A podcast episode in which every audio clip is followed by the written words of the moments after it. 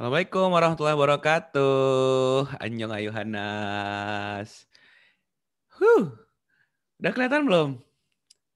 Jadi hari ini sedikit berbeda ya teman-teman, harap dimaklumin. Jadi kita balik ke format, eh kedengaran gak sih suara gue? Gue mau lihat di hmm, kalian-kalian dulu. Gimana hari ini? Uh, formatnya balik lagi ke awal ya. Mohon maaf sekali kita formatnya ya style biasa dulu karena hari ini kita uh, Bang Rizko nggak hadir. Jadinya tidak bisa pakai ala-ala yang kece-kece badai gitu. Tapi setidaknya bumper tetap ada lah ya, mengurangi uh, rasa apa rindu, mengobati rasa rindu kalian terhadap itu. Lagu apa bumper itu? Yuk ngaji. By the way, besok kita akan launching lagu lagunya udah launching. Eh, lagunya sebenarnya udah launching di Spotify. Tapi besok kita bakal eh, ngobrol-ngobrol uh, lebih jauh tentang Yuk ngaji. Lagunya nama judulnya Makna Bahagia. Wih, cakep nggak tuh? Hoodie baru nih. Yoi.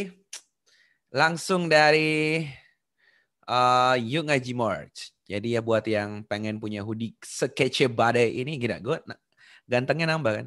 Hoodie ini tuh bikin gue tambah, eh hoodie ini tambah keren kalau dipakai sama gue.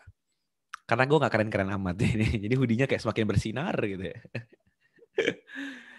Iya, yeah, jangankan kalian, saya itu tuh tidak pernah tahu siapa yang akan hadir di di Zoom-nya gitu ya.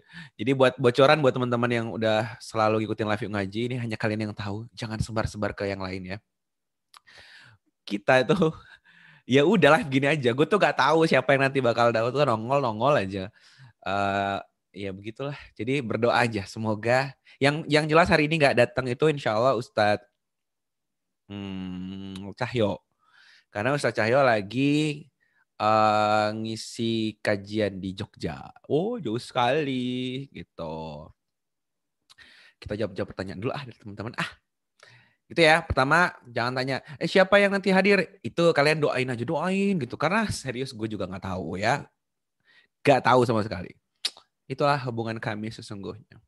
Kemudian uh, yang nyanyi yang nyanyi lagu makna bahagia itu hero, bukan gua ya. Hero. Teman-teman ini antar cari aja Hero di Spotify ya. Linknya ada di story gue ada, di storynya yang Ngaji atau postingannya yang Ngaji juga ada. Gitu. Apa lagi? Mau nanya apa? Nih gue jawabin nih mumpung belum pada ada yang nongol nih. Gue udah sendiri doang nih. Gak mungkin gue jawab jawabin pertanyaan kalian dengan sendirinya kan nanti pasti kalian akan mendapatkan jawaban yang sangat tidak berfaedah dari saya. Apa? Mau nanya apa, gengs? Tunggu, gue pindah ke sini aja deh, gue pusing ngeliatnya. Nah, gini kan enak, gue ngeliatnya ke sini gitu. Bagus banget lagunya sih, Masya Allah ya. Itu pencipta lagunya adalah Ustaz Cahyo.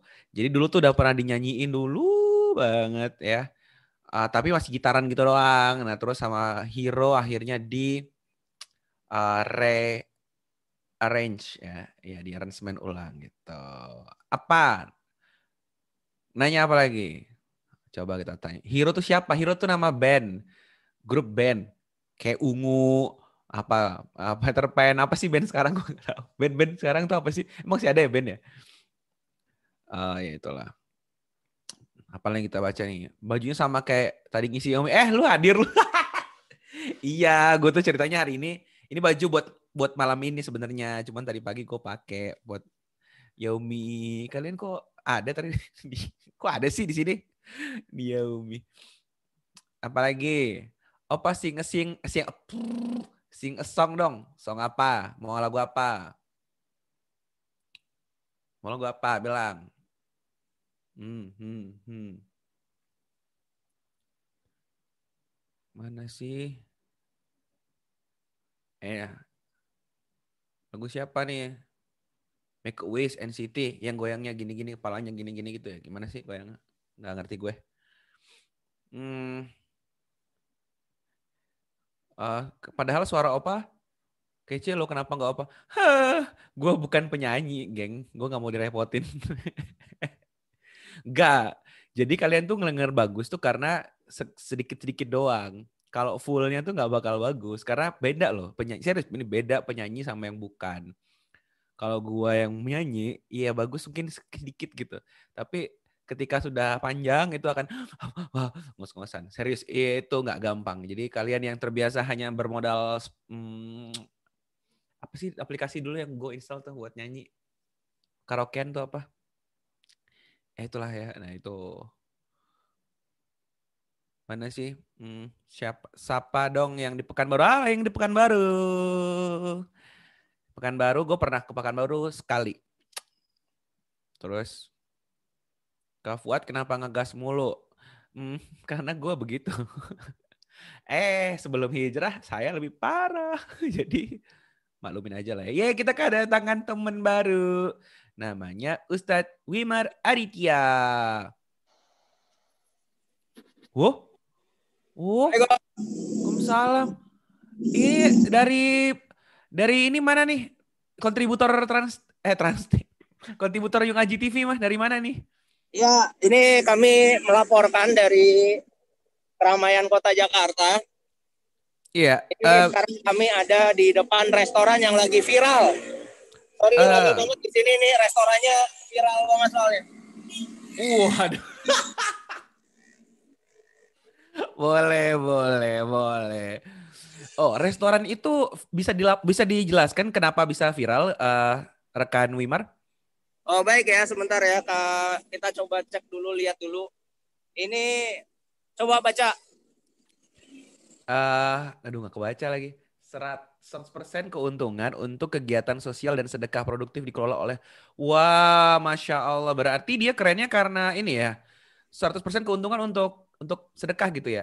Yoi. Terus dia dapat nggak ada untung sama sekali dong? Loh, apakah keridoan Allah itu bukan keuntungan, Mas Fuad? Oh, iya sih keuntungan sih itu. Iya dong. Insya Allah. Oke. Okay. Ya. Uh, saya melaporkan demikian kembali ke studio. Assalamualaikum warahmatullahi wabarakatuh. Waalaikumsalam warahmatullahi wabarakatuh. Eh, lah, lah, lah sudah kalian sudah kalian kalian lihat kan? Begitulah sasim saya. Saya enak-enak jidat mereka tuh tahu nongol soal-soal laporan kontributor hilang. Sekarang gue disuruh ngapain? Aduh gue sedih banget sumpah. Eh kalian. Ayolah satu orang siapa gitu masuk ditunggu-tunggu. Ya Allah tega banget. Wah Oh, tapi kan harus gini. Uh, baik, terima kasih rekan Wimar Aditya yang melaporkan langsung dari Wakanda. Baik pemirsa, melanjutkan berita terbaru. Apa sih gue nggak bakat sih jadi baca berita? Gue harus harus nyari nih uh, teks berita biar kece gitu nggak sih? Iya nggak sih? Nih kita coba cari ya teks teks berita. Contoh teks berita. Nah ini ada nih kita biar keren. Nah. Mana ya?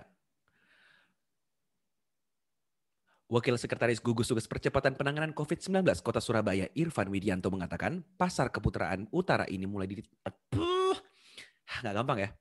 Pasar keputraan utara ini mulai diliburkan mulai Selasa 21 7 itu apa ya? 2020 hingga Senin hingga Senin mendatang. Ia menyampaikan hasil tes swab yang dilakukan tiga hari berturut-turut sejak tanggal 14 sampai 16 Juli 2020 terdapat 37 orang terkontaminasi positif COVID-19 di pasar Keputraan Utara. Selama ditutup, Irfan menyebut pasar keputraan akan disterilkan untuk bah susah guys ternyata baca begini. Aduh gak gampang ya. Baru tahu guys. Tuh kalian harus sekali-kali nyoba biar tahu ternyata jadi seorang pembaca berita itu tidak gampang ya. Tidak hanya bermodalkan kepedean saja. Aduh. Lanjut. Baca komentar kalian. Ih enak juga ya cuman duduk sama baca komentar kalian. Berapa orang? 1300 orang. Aduh semoga kalian uh, tidak berekspektasi apa-apa ya bersabarlah kalian karena nggak masalah kan kita berduaan aja begini ya nggak apa-apa ya nggak apa-apa ya Kak nasihatin aku dong aku mulai ngelirik-lirik anime lagi nih gara-gara Naruto katanya mati padahal lagi proses bentar bentar bentar Kak Fuad nasihatin aku dong aku mulai ngelirik-lirik anime lagi nih gara-gara Naruto katanya mati padahal lagi proses hijrah Naruto hijrah nggak jadi mati Gimana sih?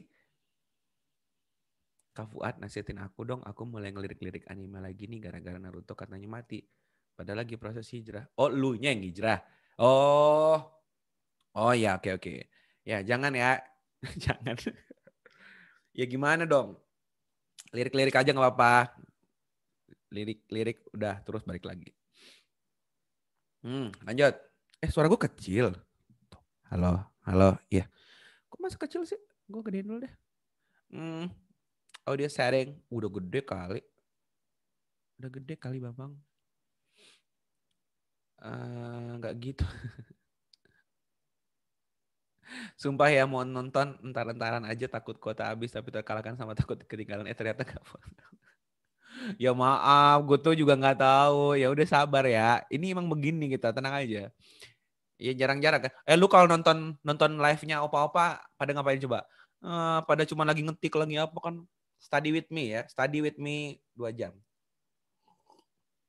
Oh 정말 hmm masih saya Bang Fuad apa lagi? Ayo balas. Eh balas tanya. Assalamualaikum. Aku baru pertama kali nonton Yuk Tanya. Langsung episode 4 Mas siapa? Oh iya, ya maaf, maaf, maaf. Gue terlalu terlalu ini ya sombong ya, gue lupa memperkenalkan diri. Uh, perkenalkan kayak introduce yourself aja mas. Oke, makasih. Ha, hai Mamen. Wah nama lu Mamen. Hey Mamen.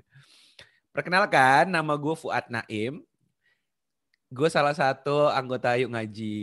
Sudah, gitu aja sebenarnya. Gue biasanya datang paling pertama karena paling gak punya kerjaan. Jadi Tugas gue adalah mengantarkan acara ini supaya dijawab pertanyaannya sama para ustadz-ustadz nanti yang lebih jelas. Kalau gue sih GJ. GJ, GJ gitu. Gitu ya Mamen ya. Semoga tidak mengecewakan ya. Nanti kalau Mamen mau tahu lebih lanjut tentang gue, bisa langsung ke Instagram gue aja. Di at Fuad Naim. Gue ketik kali ya biar Mamen tahu ya. Hai Mamen. Hai Mamen. Nih. Fuad Naim. Pum. Tuh ya. Panjang jelasnya. Nyanyi lagu One One.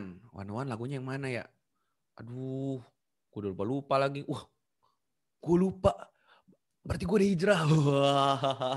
iya loh, gue lupa loh bener lagunya One. Padahal dulu inget-inget aja. Cuman ingat wing, wing, wing, wing. Boomerang.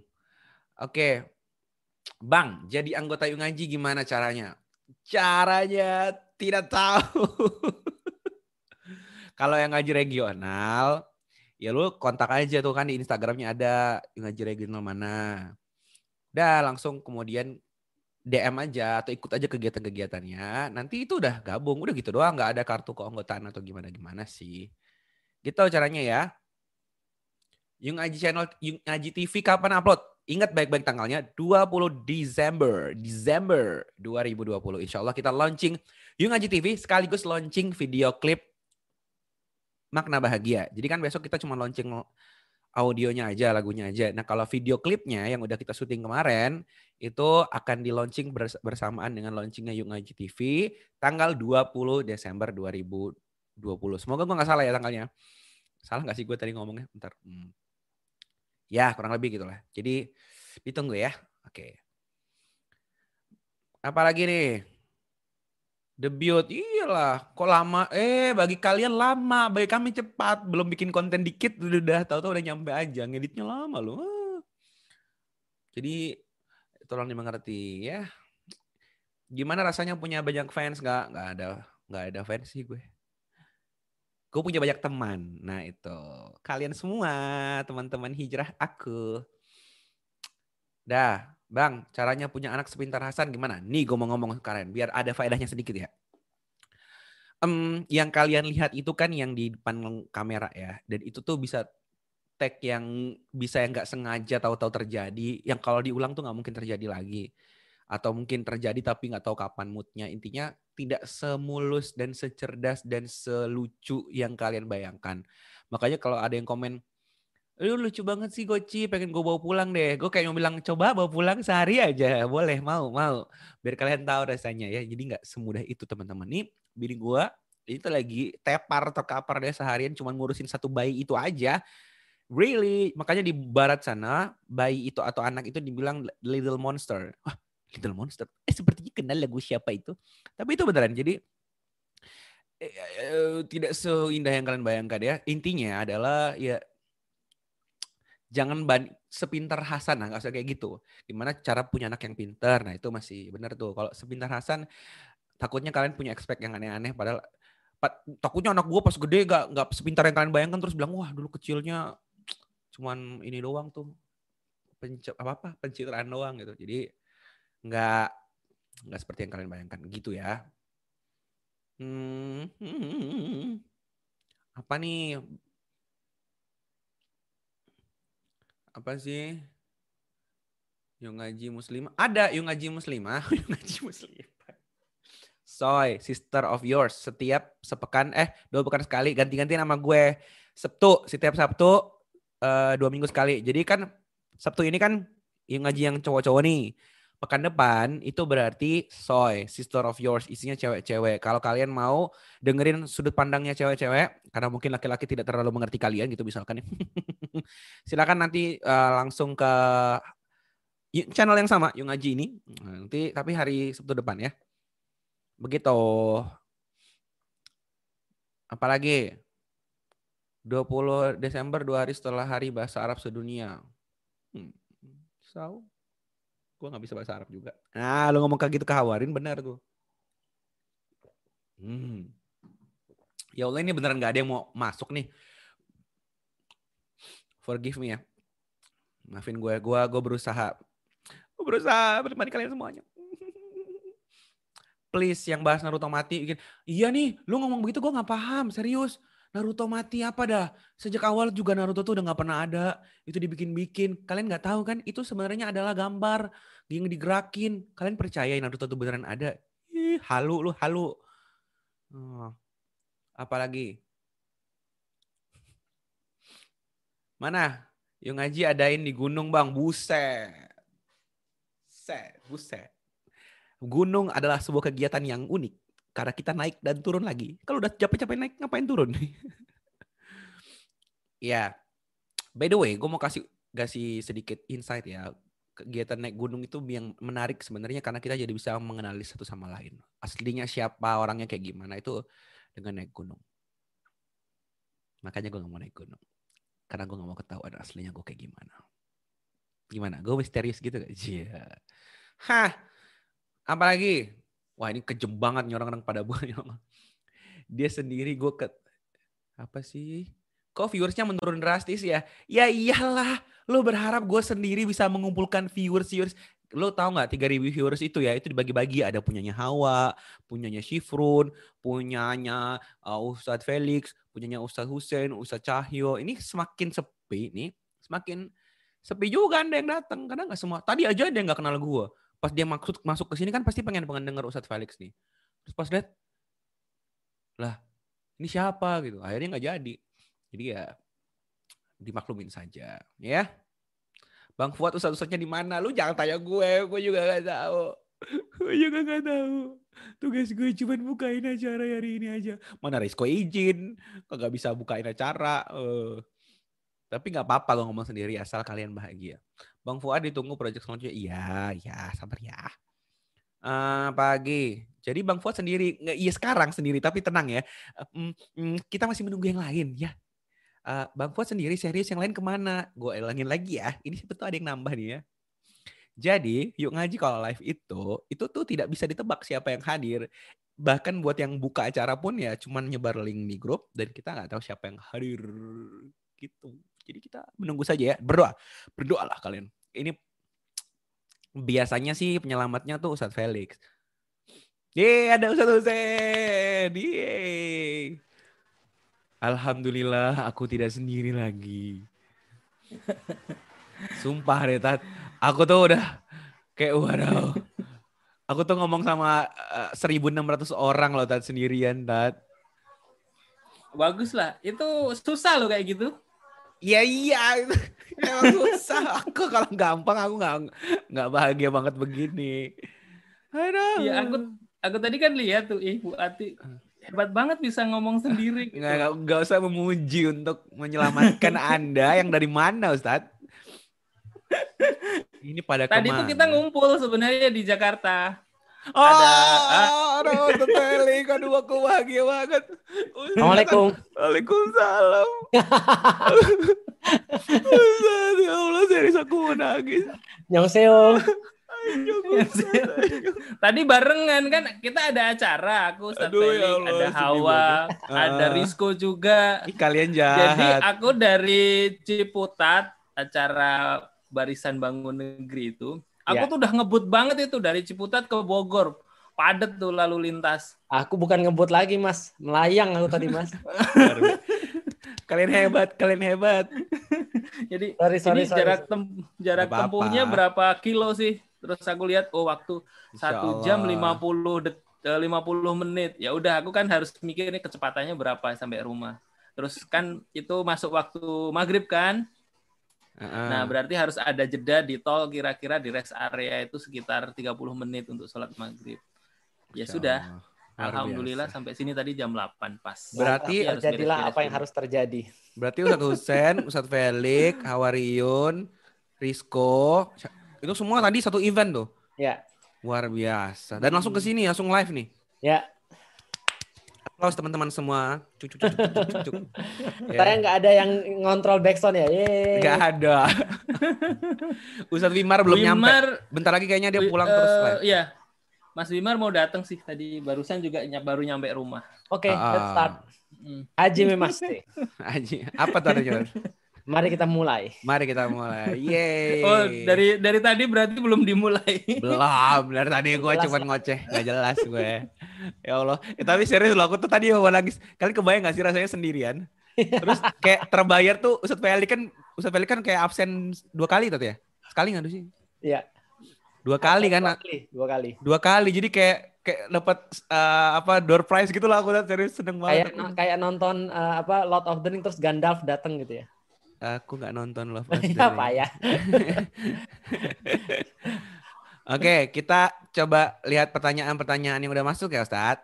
Eh, eh, aku sekarang sudah apa loh nama-nama fandomnya fandomnya K-pop. Wow, coba, coba, coba. Ini epic, epic ini. Wah, epic ini. Oke, Eh, s- eh, eh, eh, fandomnya Dengan yang BTS. susah-susah. Yang gampangnya BTS. Army. Army. Eh, Nah, juga fandomnya. tahu. Oh, tahu satu sen ya. Eh, apa yo? Fandomnya Blackpink. Ah, sebentar, Blink. Wow, betul, betul, betul, betul. Hebat kan? Hebat kan? Oke, masih masih mau lagi nggak? Nambah nggak? Boleh, ayo, ayo, ayo. Oke, fandomnya Super Junior. Elf. Uh, Mas Usen pasti nggak tahu, yakin aku pasti nggak tahu. Elf Elf tuh merek mobil Iya pasti Oh, bener. pasti dia ngomong begitu. yang Ini gede yang buat ini, Mas, wisata itu. penting loh. ini. Pasti mau ngomong begitu. Eh, ini penting nih. Iya, iya, Apalagi, iya, ayo, ayo. Ayo ayo. Hmm. Ah ini nih fandomnya EXO. Ah, sebentar, Eh, apa? EXO EXO. Eh, seben- aku aku ingat eh, sebentar. Hmm. X apa gitu pokoknya. Apa? Lupa ya. Lupa, lupa, lupa. EXO-L. Ya, ya, benar. XOL. Oh. Baru salah satu, baru salah satu. Ayo, Salah lagi, satu. Lagi. Hmm. Nama fandomnya ini kayaknya susah sih kalau ini. Yang gampang aja deh. X XOL itu eh, vokalisnya Guns N' Roses. lagi. Ya ampun. X XOL Rose. Itu itu eh, ini Mas. Tahu nggak eh, Guns N' back, Roses? back kirinya Manchester United, Axel Tuan ZB. Kalian bicara apa sih? aku aku nggak tahu Iya, sama vokalisnya Guns N' Roses itu namanya X X Axl Rose. Axl Rose. Ya Allah. Axel banget Tuan aku. ZB itu. Ya, Oke, apalagi- Ini namanya Fandomnya eh, NCT. lack of NCT tahu nggak? Ah, itu paling mudah. Ada yang lebih susah nggak? Mas Mas Hussein Wah. pasti nggak tahu. Aku tahu netizen. NCT Zen. Iya, pokoknya netizen. Ya netizen. Kok antum tahu sih? Oh, gini gampang nih. Eh, sudah deh. Icon. Icon. Ah, ikonik. Iya. Kok tahu sih? Katanya yang yang ih, bisa loh. Wah, Iya. debok. Aku aku cuma membuktikan bahwa itu adalah dunia yang mudah bagi kalau aku lagi pengen. Wow. Keren banget. Ada yang nanya Stray Kid, aku tahu. Stay. Apa? Wow. Kok bisa sih? Aku aja nggak tahu Kids ininya. Apa Oh, endemnya apa? Tahu. Ya sampai cewek-cewek aja aku tahu kok. Oke. Eh, Eh, SNSD. Eh, sebentar, aku baru tahu kemarin apa ya? Eh, sebentar, SNSD. eh, Nah, Girls' oh, Generation aku tahu, itu. aku tahu. Sebentar, Apa? sebentar. Eh, eh, SNSD. Aduh, lupa aku. Girls Generation itu nggak tahu. Lupa aku. Sone, lupa. Sone, Sone. Oh ya, Sone. Iya, tapi bacanya Ah. bukan Sone. Apa bacanya? Sowon. Oh, Sowon.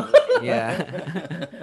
ya, ya, ya. Artinya- Ketahuan artinya- ya. Aku tahu artinya wish ya, wish. Iya, wish bener. Ih, gue tahu sih. Ih, ih. Tahu dong, aku sampai filosofinya tahu. Aku ngeri ya. Antum tuh nger- ilmunya luar biasa. Antum kayaknya nanti kadang masyar lolos deh.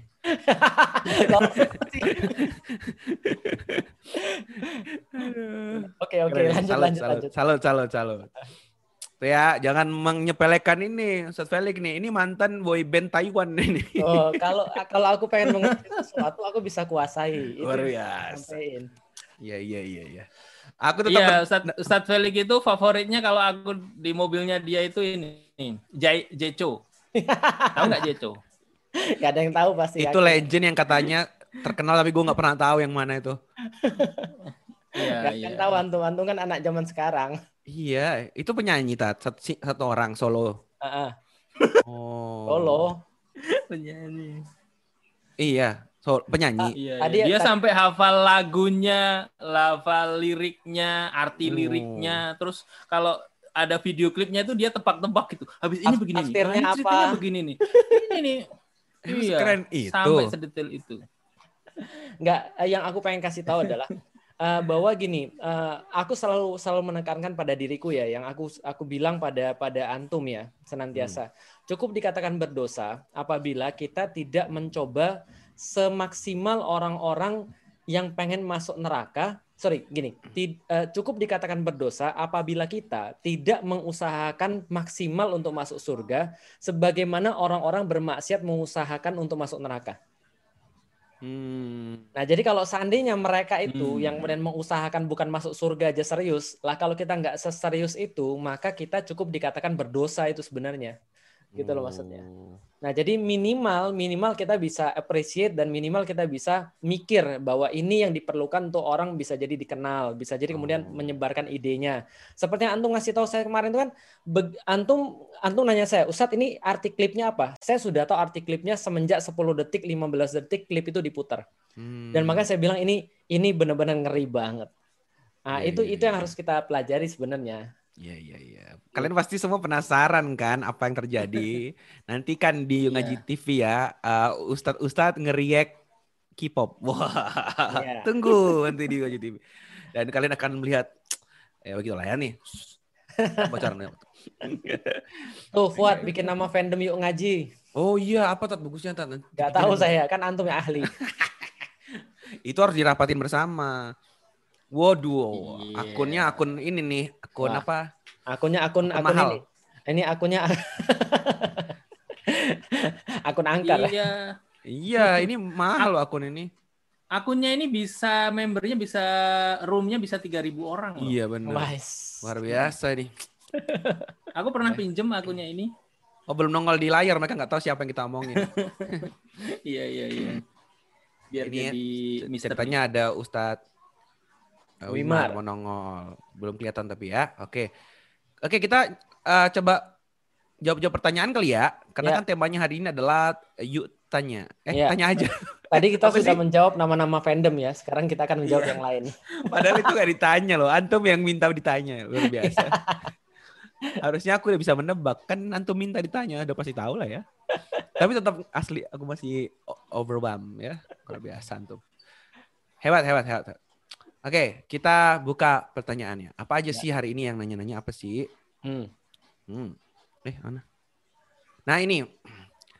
Wah, menarik nih. Awal mula terbentuknya komunitas Yuk Ngaji. Ini udah pernah tanyain belum sih kayaknya? Nggak tahu tuh. Cerita awal-awal semua tim Yuk Ngaji gabung ke komunitas Yuk Ngaji gimana nih? Penasaran. Tuh. Oke. Coba siapa yang mau share duluan sebagai founding father of Yuk Ngaji. Silakan. Mm-mm. Siapa? Ustaz Husain apa Ustaz Falik? Mangga. Ya, saya dulu deh. Nanti Mas Husen yang yang lengkapin ya. Boleh. kalau kalau aku secara singkat adalah begini. Sebenarnya ini dari dari kekhawatiran kita ya.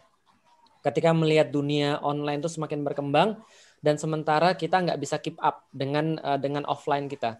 Padahal dulu-dulu kan dakwah sebelum 2015 itu benar-benar sangat-sangat jarang yang ada di online. Sementara komunitas-komunitas sudah mulai bermunculan. Nah, maka eh, kalau bahasanya Mas Husen kita ingin me- eh, menyatakan yang maya. Kalau gampangnya begitu. Jadi yang online-online ini kita pengen memberikan sebuah referensi-referensi Islam sesuai dengan apa yang menjadi eh, inilah eh, segmentasinya. Maka berkumpullah saya sama Mas Husen ketemu di Istanbul waktu itu. Kita di Waduh. 2015 asik. Ini Jadi awalnya ini dibuatnya di Istanbul ya. Istanbul ya. ini hawa-hawa kesombongannya ada ini. Masya Allah. Sir aku merasa bangga loh sekarang jadi Bang Giri ngaji. Masya Allah. Ternyata Tapi dibuatnya itu di luar negeri gitu loh. Betul. Jadi 2015 itu ketika kita lagi mengunjungi beberapa museum di eh, di in- di Istanbul, saya bilang sama Mas Husen, Mas, eh, aku sangat khawatir dengan kondisi di Indonesia di mana kita tuh nggak ada yang serius dalam untuk eh, mendakwahkan Islam secara kekinian. Nah, maka kita bentuklah yuk ngaji waktu itu sama Mas Husen dan kita Mhm. sepakat langsung eh, kita kita pikir kita harus punya orang untuk mecah mecahin batu, mecahin es. Nah, itulah kemudian awalnya ada Mas Cahyo. Karena Mas Cahyo kan orangnya kan sangat lucu ya. Dan dia tuh Mhm. mungkin kalau sana kita ketemu orang-orang kafir Quraisy ya, kita semua dibunuh kecuali Mas Cahyo. Akan digunakan sebagai penghibur. Menghibur ya. Kamu kayaknya lucu. Pulang aja kamu. Nah, jadi kita bertiga terus kemudian ada beberapa orang, singkat cerita, di 2017 kita mentok. 2017 Hmm. kita mentok, maka kemudian eh, kita ngobrol lagi sama Mas Husen, Mas, ini kayaknya kita ada tantangan, di, eh, ada ada banyak barrier yang kita nggak bisa buka dengan adanya kita doang. Kita harus punya tenaga-tenaga fresh, karena kita Hmm. melihat bahwa waktu itu zamannya udah beda banget. Kita melihat bahwa kita sudah too old untuk melakukan sesuatu yang menggebrak. Nah, karena itulah waktu itu kebetulan tiba-tiba Hawaryun datang sampai nangis gitu kan ya.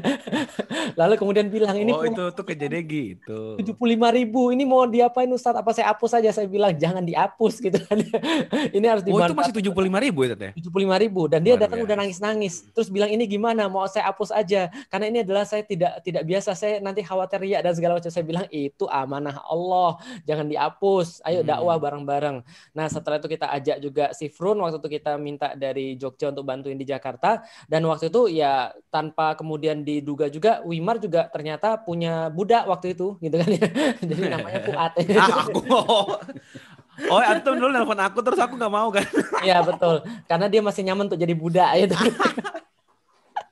Akhirnya sama sama sama Fuad, Fuad ini ya memang harus dimanfaatkan karena sudah ada semacam kayak gelombang baru yang kita sadari yaitu Hmm. gelombang K-pop ini. Padahal waktu itu aku ngeliat Fuad itu baru baru aku lihat dari segi kualitas editingnya waktu itu. Aku baru Oh. baru melihat Fuad itu sebagai potensi besar semenjak buku Pernah Tenggelam itu. Nah, Hmm. setelah Pernah Tenggelam makanya aku langsung ngubungin antum lagi. Oh, kan. pernah tenggelam baru antum follow aku kan? Ya, betul. Aku Jahat banget aku di follow. Itu tahun berapa padahal pernah tenggelam tahun berapa ya? Baru dua tahun yang lalu kan? iya dua tahun lalu. 2017 ya. Iya, Heeh, lalu lalu aku bilang sama Oh, Fuad baru 18 18. 2018 ya. 2018 iya. Eh, Fuad ini harus dibenerin, eh, harus diperbaiki. Kenapa? Aku nggak bisa ngelihat produk bagus yang kemudian dengan penyampaian yang kurang maksimal seperti ini. Maka aku bilang ya udah langsung di, di, eh, di redesign, lalu kemudian jadilah pernah tenggelam yang baru sekaligus ADK waktu itu jadi jadi bagian daripada yuk ngaji. Itu cerita singkatnya. Monggo silahkan Mas. Luar biasa. Uh. Lengkap sekali ya. Ternyata Ustaz Falik Bang. mengingat itu semua. Dia mengingat Kak di, di mana dia membeli budak-budaknya, tanggal berapa. Transaksinya masih dia ingat ya. Aduh. Ustadz Husen, coba tak ceritain Iya. tak. Sudut pandang berbeda mungkin atau apa, emang enggak? Ya waktu itu emang diawali dari janjian saya sama Ustadz Felix sih. Kan biasa setiap setiap musim semi itu kan kita ada liburan musim semi. Wih, ini kita lebih angkuh lagi nih kayaknya. ini. Liburan musim semi. Ke mana Taman Safari? Iya. waktu itu kan dikontak eh, di, di apa? Dikontak Ustadz Felix. Mhm. Wih, Ustadz Felix nih. Waktu itu aku juga masih ada jarak sih. Eh, Iya. Aku ngelihat Ustadz Felix tuh kayak yang udah keren banget gitu ya. Bukan, bukan sini saya jelasinnya sebenarnya ya. Ini banyak oh ya. Sebenarnya saya itu kan adik kelasnya Mas Husen. Mas Husen tuh angkatan 36, aku tuh angkatan 38. Beda 2 tahun kan. Nah, Mas Husen tuh sangat terkenal ketika aku masih kuliah karena Mas Husen tuh adalah orang yang paling terencana dan paling eh, apa ya, kayak paling existing waktu itu Hmm. stabil. Nah, aku tuh setelah lulus, aku tuh ngelamar ke Mas Husen sebenarnya. ngelamar ke perusahaan desainnya Mas Husen. Dan Serius, percaya nggak? Serius. Dan antum percaya nggak? Aku ditolak sama Mas Husen. Lah emang antum Bayangin. mampunya apa di bidang desain? Aku ya aku ngelamar aja. gitu. Aku nggak iya waktu Ya itu iyalah, karena aku ditolak, nggak lihat nggak lihat nggak lihat bakat yang cukup menonjol di bidang itu Jadi, Wah, parah. Ustadz Felix kalau masuk perusahaan Ustadz Husen ntar malah jadi CEO dia. Iya. it- itu merebut sebelum kekuasaan. dia sebelum dia nulis buku Hmm. jadi Iya. masih kurus masih pakai baju kotak-kotak gitu yang Hmm. rambutnya gondrong-gondrong gimana aku sampai gitu datang ke rumahnya loh, bayangin untuk untuk bisa untuk bisa ngelamar loh. Iya iya iya. iya. bayangin. aku lihat passionnya bukan di desain waktu itu ini orang kayaknya eh, bagusnya kalau ngomong di depan umum gitu dan ternyata setahun kemudian oh iya bener apa yang aku pikir gitu terus terkenal kan udah Nah. terkenal tuh kayak lupa gitu waktu itu Oh, apaan? Jadi, aku itu pertem ketemu pertama kali waktu itu di Balai Kota Bogor kan yang Ya, ngisi sama Tuku Wisnu itu. Aku tuh berjejalan ngantri untuk minta foto bareng Ustadz ngantri untuk minta foto bareng Ustadz Felix. iya Ada. Luar biasa. Nah, terus dari situlah itu ketemuan pertama. Jadi ketemu setelah beberapa puluh tahun nggak ketemu gitu Hmm. loh. Betul, betul, betul. Atau berapa waktu lama nggak ketemu. Nah, setelah itu ya udah kita tuh biasa lah kalau ketemuan kan tukar-tukaran nomor gitu ya. Iya iya. Ya, Itu kaget kalau kalau waktu ketemu ada- kayak HRD, pelamar, gitu-gitu kan? Kaget. Nggak ya? Enggak. Kirain saling Jadi- inget gitu. Jadi sebelumnya memang posisiku lebih tinggi karena aku kan owner perusahaan ya. Ini ada yang ngelamar perusahaan, ada yang mau ngelamar, Oke, terus aku oke. tolak karena nggak nggak memenuhi kompetensi waktu itu. Memang Hmm. eh, kan yang kita cari desainer ternyata yang datang itu bukan desainer dia eh, dia model model zaman dulu terkenal ya FC kan. iya iya ini malah kayak ini tipe-tipenya malah kayak jadi ini customer service kayaknya bagus gitu Parah. Halo, ada yang bisa dibantu? jadi eh, orang-orang hebat waktu itu yang lamar kerja itu eh, setelah Ustadz Felix ini namanya ada Ustadz eh, Asep Fahri Iya. Serius? Iya, Dia di juga? Itu juga Mm-mm. Oh. Kita Quran. itu juga Nah, Itu diterima udah. coba bayangin. eh, dan nggak bertahan lama gitu karena setelah diterima itu banyak ngisi tuh. Ah kulihat eh kamu kayaknya passionnya bukan di sini deh. Passionnya kayaknya kamu jadi public speaker gitu. Dan Ah. bener setelah itu eh, melejit sampai hari ini. Jadi Oh, speaker ya? Hmm, aku udah bisa ngelihat nih bakat orang tuh di sini nih. Jadi kalau di sini nggak pas gitu. Walaupun yang dia inginkan itu di posisi ini. Iya. tapi eh, hidup itu kan bukan sekedar yang diinginkan kan tapi Oh, sesuatu ide. yang pas buat dia Loh, Gitu, dengerin dan- tuh guys ya, hidup bukan tentang apa yang Anda inginkan, Jadi tapi kalau Anda pantas nggak? Iya, betul. Jadi kalau Anda pengen sukses, daftar eh, apa melamarlah ke Mas Husen dan ditolak. Iya. Nanti akan dapat nanti Kalau Anda terkenal. diterima malah bahaya. Iya. Kalau ditolak jadi jadi mualaf Anda ya. Jadi pasca yang ketemuan di balai kota itu eh, nggak lama setelah itu sih Iya. itu eh, Ustadz Felix ngajak janjian, eh ketemuan yuk di Istanbul. Mm-mm. Ya udah kalau gitu. eh, Gila ketemu itu di Istanbul loh. Luar biasa kayak emak-emak arisan. Eh, kita ke Singapura yuk arisan. terus ya udah eh, ketemuan lah di sana gitu di sambil lihat tulip gitu kan macem-macem. Aku Oh, juga eh, apa namanya baru pertama kali waktu itu. Ketemu Eh, orang ini nggak tadi situ yang lagi pelangah pelongo? Oh, belum belum ada waktu. Belum ya. Masih ada Ustaz Cahyo. belum tuh setahun setelahnya kayaknya ya. Iya, ya iya, iya. gitu terus kita ngobrolin banyak hal lah bahwa kan ada pertanyaan dulu di tahun-tahun itu ya 2015 itu gini Hmm. eh, itu masanya Twitter ya waktu itu ya Ya, masih Iya. Twitter. jadi eh, orang-orang Twitter ini kan punya karakteristik banyak bicara di di dunia maya gitu kemudian pertanyaannya apakah ini bisa dinyatakan gitu jadi ini Hmm. orang beneran nggak sih gitu Eh, organik nggak gitu Eh, Oh. kemudian dari situlah muncul ide ya udah mereka kan udah ngobrol di di dunia maya gitu ya Hmm. dan waktu itu konten-konten Islami, konten-konten dakwah, konten-konten hijrah itu sudah mulai ada walaupun nggak belum banyak seperti sekarang. Nah kemudian eh, ya udah kita ada tantangan untuk mengajak teman-teman ini bisa bisa hadir secara nyata gitu. Hmm. Eh, Jadi pertanyaannya itu Ustadz Felix waktu itu berapa ya followernya 1,3 ya? Iya, segitulah sekitar kitar. 1,3. Itu bener 1,3 orang apa juta. enggak? Ya. Uh. Twitter, Twitter sih. Oh, iya iya. Sekarang berapa? Isinya- Tat? Sekarang Nggak pernah 2 main juta.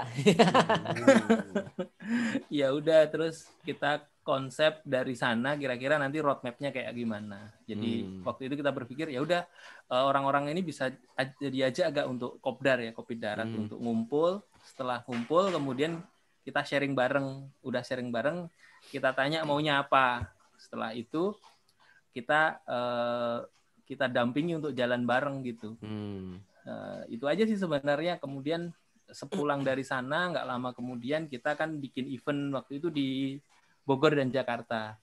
Jadi udahlah eh, bikin acara aja kita sediain tempat 150 waktu itu. 150 seat. Nah, udah Ah, ini waktu itu masih ini ya, masih pesimis ya. Iya, paling 150 lah. 130 itu. loh. Iya, 150. Terus Yang eh, daftar lebih. yang daftar 500. Jadi Hmm. oh banyak juga ya. Jadi ternyata eh, yang ada di online itu eh, manusia beneran Ya gitu. beneran ya. Kagak Jadi bukan buzzer ya. Heeh, 500 kita stop. Kenapa? Karena ruangnya cuman muat 450. Iya iya. iya. Jadi itu pun sudah sudah sangat berdesak-desakan waktu itu. Eh, dan ternyata animonya tinggi gitu. Ya udah kita bikin eh, event eh, teman-teman untuk ketemu. Nah dari Jakarta Bogor itu ternyata animonya tinggi. Kita coba lagi deh lima kota gitu. Waktu Hmm. itu kita roadshow Malang, Surabaya, Solo, Jogja, Bandung gitu. Pakai mobil Mas Husen. Nah, pakai Nyetir mobil sendiri. itu. nyetir sendiri aku gantian sama Ustadz Feli karena waktu itu semobil yang bisa nyetir cuman kita berdua Iya. gitu. Iya. Sampai Dan sekarang kan. duit cuma kita berdua. Dan itu inget banget waktu di Cipali itu ya. Jadi di Cipali itu acaranya kan di Jogja itu Selesai jam sampai 3. siang ya. Sampai eh, jam siang 3. kemudian Aku ada tuh, aku ngobrol. aku tukang syutingnya. oh, iya. itu. Nah, selesai Iya, jam iya, 3 kita harus Waktu itu kita belum kenal berarti ya. Belum, ya? Anda tuh di artis di mata saya gitu. Tapi aku nggak mau Iya. foto. Jadi jam 3 dari Jogja itu harus sampai eh, Bandung itu jam 8 pagi gitu. Akhirnya kita sampai jam 3 pagi. Jam 3 pagi. Luar Dan biasa. itu di pas di Cipali itu per 10 menit ganti. Belum ada tol waktu itu. Belum Sepanjang ada itu. tol. Jadi Wow. eh, per 10 menit gitu berhenti karena udah udah lelah banget waktu itu. Jadi eh, sampai di titik itu sih kita roadshow di lima kota. Intinya sih di di lima kota itu semua tiket sold out waktu itu. Jadi Wow. eh, kapasitas 1000 sold out, kapasitas 500 sold out, kapasitas eh, Solo paling sedikit waktu itu kapasitasnya 250, cuman eh, kita extend sampai 350.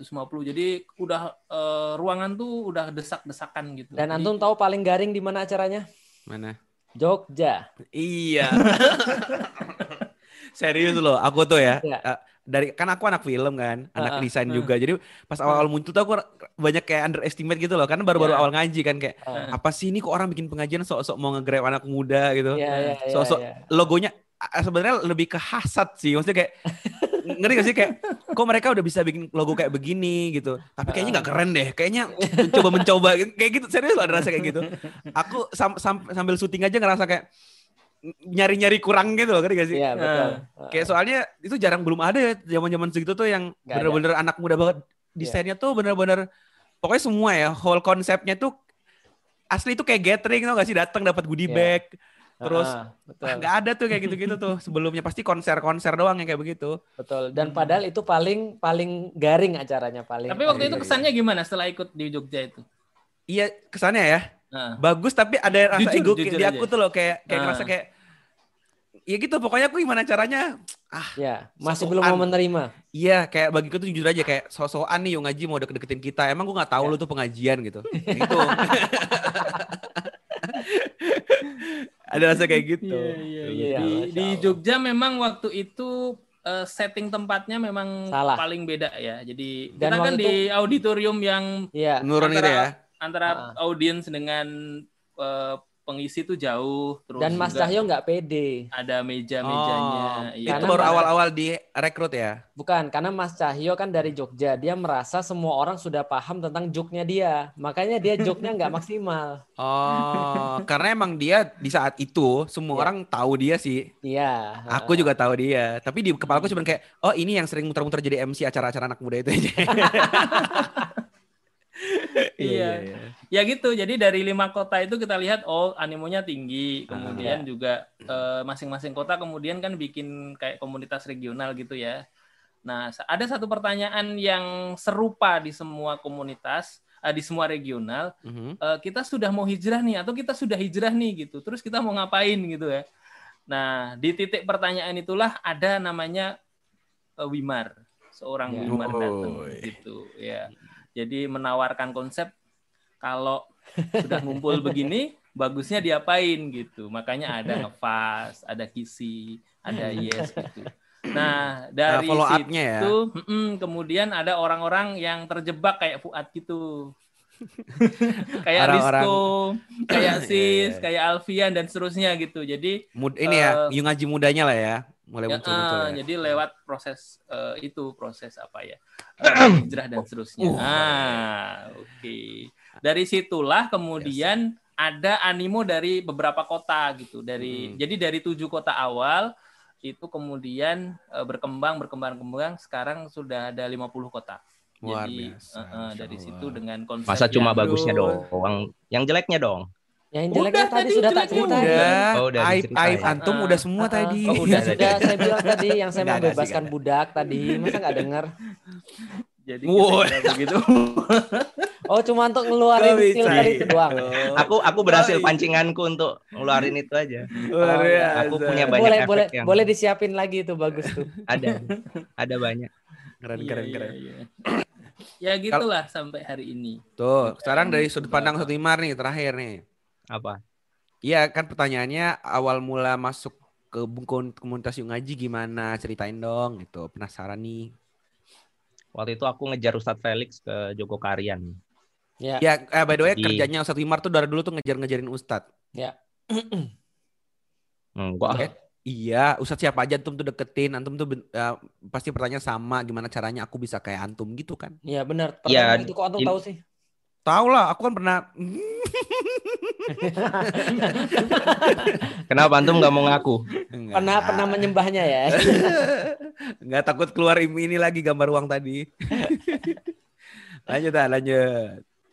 Jadi dulu kan punya PH namanya home studio.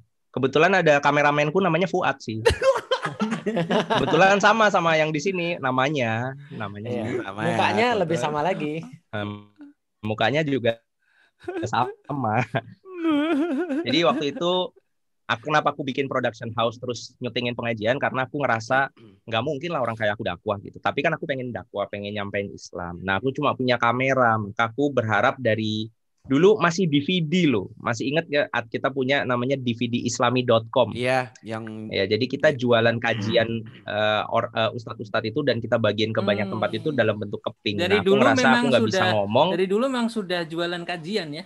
kan emang kita dagang udah- Oh iya tapi dagang kajian Iya, sih iya, Bang iya. DVD-nya Itu DVD-nya. hijab Alila dijual apa dibagiin gratis sih? Itu kan bukan aku, itu kan istriku. Memanfaatkan istri agar tidak disebut kapitalis. Iya Iya, dong. Iya, iya. Pakai nama anak lagi ini udah hijab Alila sebelah Koko. Nah, Gozi Iya. nggak tahu nanti dapatnya apa gitu. Nanti kan yang lainnya ya. Nah, Ikan produk-produk anak yang lainnya. Gila anak-anaknya dijual semua kayak. Jadi eh, aku ngerasa orang kayak aku nggak bisa dakwah, nggak mampu lah aku ngerasa nggak mampu. Makanya aku nyutingin Ustadz biar aku bisa dakwah lewat rekaman yang aku edit. Mhm. Nah, tapi semenjak terus ketemu Ustadz Felix, Ustadz Fatih Karim, aku ngeliat background mereka bukan seperti Ustadz-Ustadz yang aku kenal, yang pesantrenan, yang lulusan dari LC lah ya, lulusan Cairo atau mana gitu ya. Jadi aku ngerasa kayak Ustadz Felix aja bisa, masa aku nggak bisa sih gitu. Ya Jadi, enggak lah. lanjut lanjut Eh, lanjut. eh, lanjut. eh, jangan Aku ngerasa- salah, kita kita itu lulusan IPB loh, Institut Pesantren Bogor. Wow. Nah, pesantren P-nya. Iya, iya. Aku UPN. pesantren. Ya. Apa? Universitas Pesantren Nasional. Iya. Aku UII, Apa? Universitas Insya Allah Islam. Dimarahin sama. Eh, antum bisa Parah. diprotes loh antum. Marah, marah. Bercanda, Bapak Ibu ya, bercanda. Antum bisa disomasi sama UI lo antum. Jadi waktu itu aku ngerasa, jobnya wah ya. ini kok ada Ustadz uh, mualaf pula gitu kan ya. Chinese pula gitu ya. Masa aku nggak dakwah sih sementara Ustadz ini dakwah. Dan ada memang satu kalimatnya Ustadz Felix yang kayaknya dijual ke mana-mana zaman itu sih. Nggak tahu Ustadz Felix sadar atau enggak. Dia selalu ngomong kayak gini di banyak sekali tempat yang aku nonton atau aku syuting. Jadi dia selalu ngomong bahwa ketika ditanya kenapa Ustadz dakwah, jawabannya selalu air putih kan ceritanya pasti itu kan. Jadi bahwa umat Islam ini udah dikasih air putih sehat tapi nggak mau diminum. Giliran ingat. sirup diminum. Ketika diabetes, diabetes dia protes. Padahal dia punya dia punya air putih gitu.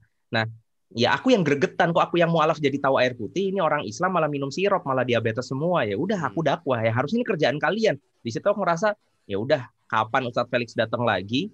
Aku pasti akan tanya langsung sama dia. Aku nggak mau cuma nyuting di belakang, tapi aku nanya. Karena pertama kali aku ketemu Ustadz Felix itu dia ngisi kajian di UIN.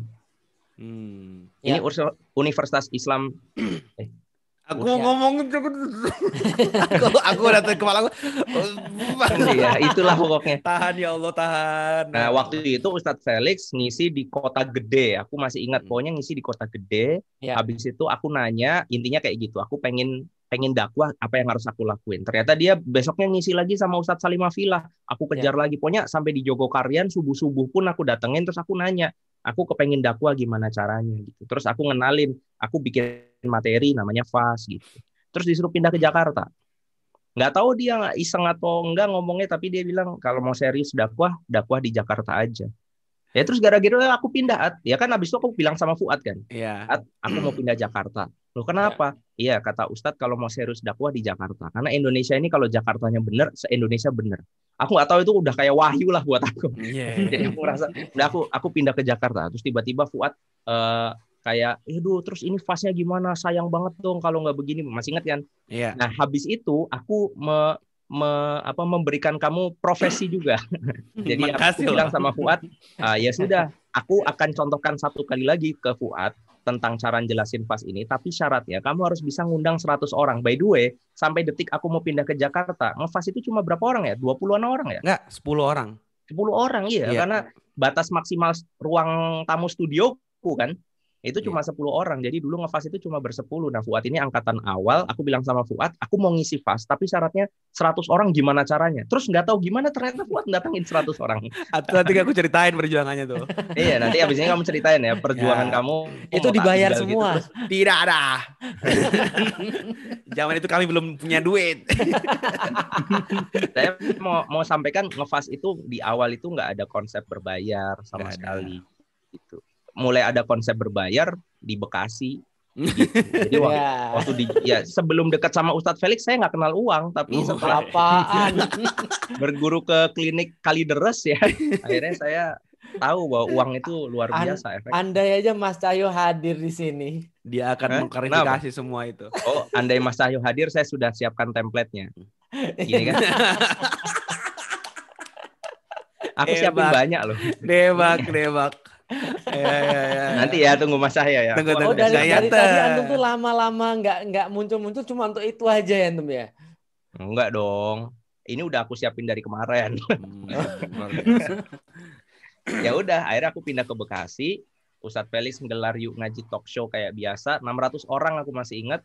Setelah itu dari 600 orang ternyata 200 orang mau ngikut ngefas. Itu ngefas perdana aku yang yang di Gede. Bekasi yang bareng yuk ngaji. Hmm. Udah habis itu bergulir ber, berkloter-kloter sampai kalau ngecek modul itu alumni kita lebih dari 10.000 ribu loh udah. Iya. Kalau ngecek Banyak. eh, penjualan modul Penjualan yang modul. cetak. Dan, dan modal ya. menurutku, dan menurutku bukan bukan hanya hitungan sebenarnya yang menjadi yang menjadi eh, apa ya yang menjadi sesuatu yang yang kita lihat. Tapi sebenarnya dari segi kualitas orang-orang yang sekarang eh, ber- bergerak di dakwah itu aja sih sebenarnya yang yang menentukan menurutku alhamdulillah Iya. Iya, jadi dari sana Ustadz Felix bisa memilih budak-budak mana yang siap untuk dipanen kira-kira dari Sofa. nah sekarang sekarang aku puji antum seneng kan nggak pakai lagi antum kan yang duit-duit tadi kan Bisa aku bisa aku keluarin lagi. Luar biasa. Oke, oke, Bahkan oke. sekarang eh, sopirnya Mas Wimar itu jadi jadi tim yuk ngaji yang sangat eh, aktif dia. Iya, Iya, dulu biasa. sebelum dan resign dan resign iya, dari sebelum resign dari aku, penjualan merchandise kita itu agak kurang gimana gitu. iya benar dia- aku akui Jadi Setelah dia makanya- tahu tentang dunia perdagangan. Makanya aku tuh bilang sama Mas Cahyo jangan dengerin ceramahnya Ustadz Umar Mita Nah, Eh, nanti ya yang terjadi itu dia senantiasa mau untuk mensedekahkan hartanya walaupun hartanya nggak ada gitu harusnya Untuk dia Mas tuh Cahyo itu maksudnya. iya, itu kajian di kalangan orang-orang berharta gitu ya. betul salah dia Iya, iya, iya, iya. Kalau aku tuh eh, awal-awalnya yang pas Ustadz Nimar tadi cerita ya, yang dia mau ngasih dia diskusi ke Ustadz Felix kan, aku punya konsep nih gini. Aku tuh inget banget, Tat. Aku ceritanya tuh di di di studinya Ustadz Wimar itu tuh magang untuk kebutuhan kampus. Kan aku tadi di film kan, aku mau magang tapi aku udah mulai ngaji. Jadi aku tuh nggak ser kalau magang di company-company yang yang Iya. gitu loh nyutingnya nggak sembarangan gitu loh. Hmm. Ya minimal di sini orang ngaji lah gitu. Aku udah Mm. di sini udah enak gitu. Syutingnya udah pasti pengajian, lebih mudah juga gitu. Nah kemudian aku ingat banget tuh setiap jam berapa nanti dia bilang sore rekam aku ngisi ceramah sendiri gitu. Jadi kayak dia ngisi terus aku ngerekamin gitu. Aku bikin ini mau diapain sih Tat? Ini tuh mau dikasih ke ini Ustadz Felix biar dia tahu konsepnya kayak apa gini-gini. Nanti minta di saran yang kurangnya gimana. Dalam hati Ya. dalam hati gue apa kayak ini orang mau tenar banget sih. kayak harus banget gitu di direkam gitu. Karena itu kan belum kenal ya. Maksudnya Ya. baru sebatas kayak aku itu bosku, aku ibaratnya ya magang di sini gitu. ya itu Nah, kalau terus di sinetron itu ada kayak suara kayak ngomong Suara sendirinya hati. itu ya. iya, maksudnya kayak dia pede banget sih sama konsep kajiannya. Aku belum tahu bahkan pas itu isinya kayak apa. ya Ya sambil rekam itulah. Nah, lama kelamaan aku jadi ngerasa ini tuh manfaat. Makanya aku bilang, Tat, ini udah mau ke Jakarta antum. Bikin lagi dong sekali, aku belum pernah ngerasain. Baru cuman kemarin doang ikut anak-anak gitu. Akhirnya tadi disuruhlah 100 orang. Lu tahu gak, itu gue kayak MLM. Aku tuh ngubungin semua kontakku yang aku bahkan gak pernah datengin rumahnya. Aku boleh gak main ke tempatmu? Sampai sana tuh aku datang jam 8 pagi. Sampai jam 12 aku belum bisa closing. Aku harus ngomong apa? Udah muter-muter loh. Heeh, gini-gini kita gini-gini gini. Heeh. Temanku tuh juga ada punya tatapannya tuh kayak tatapan lu maunya apa sih sebenarnya nggak pulang-pulang.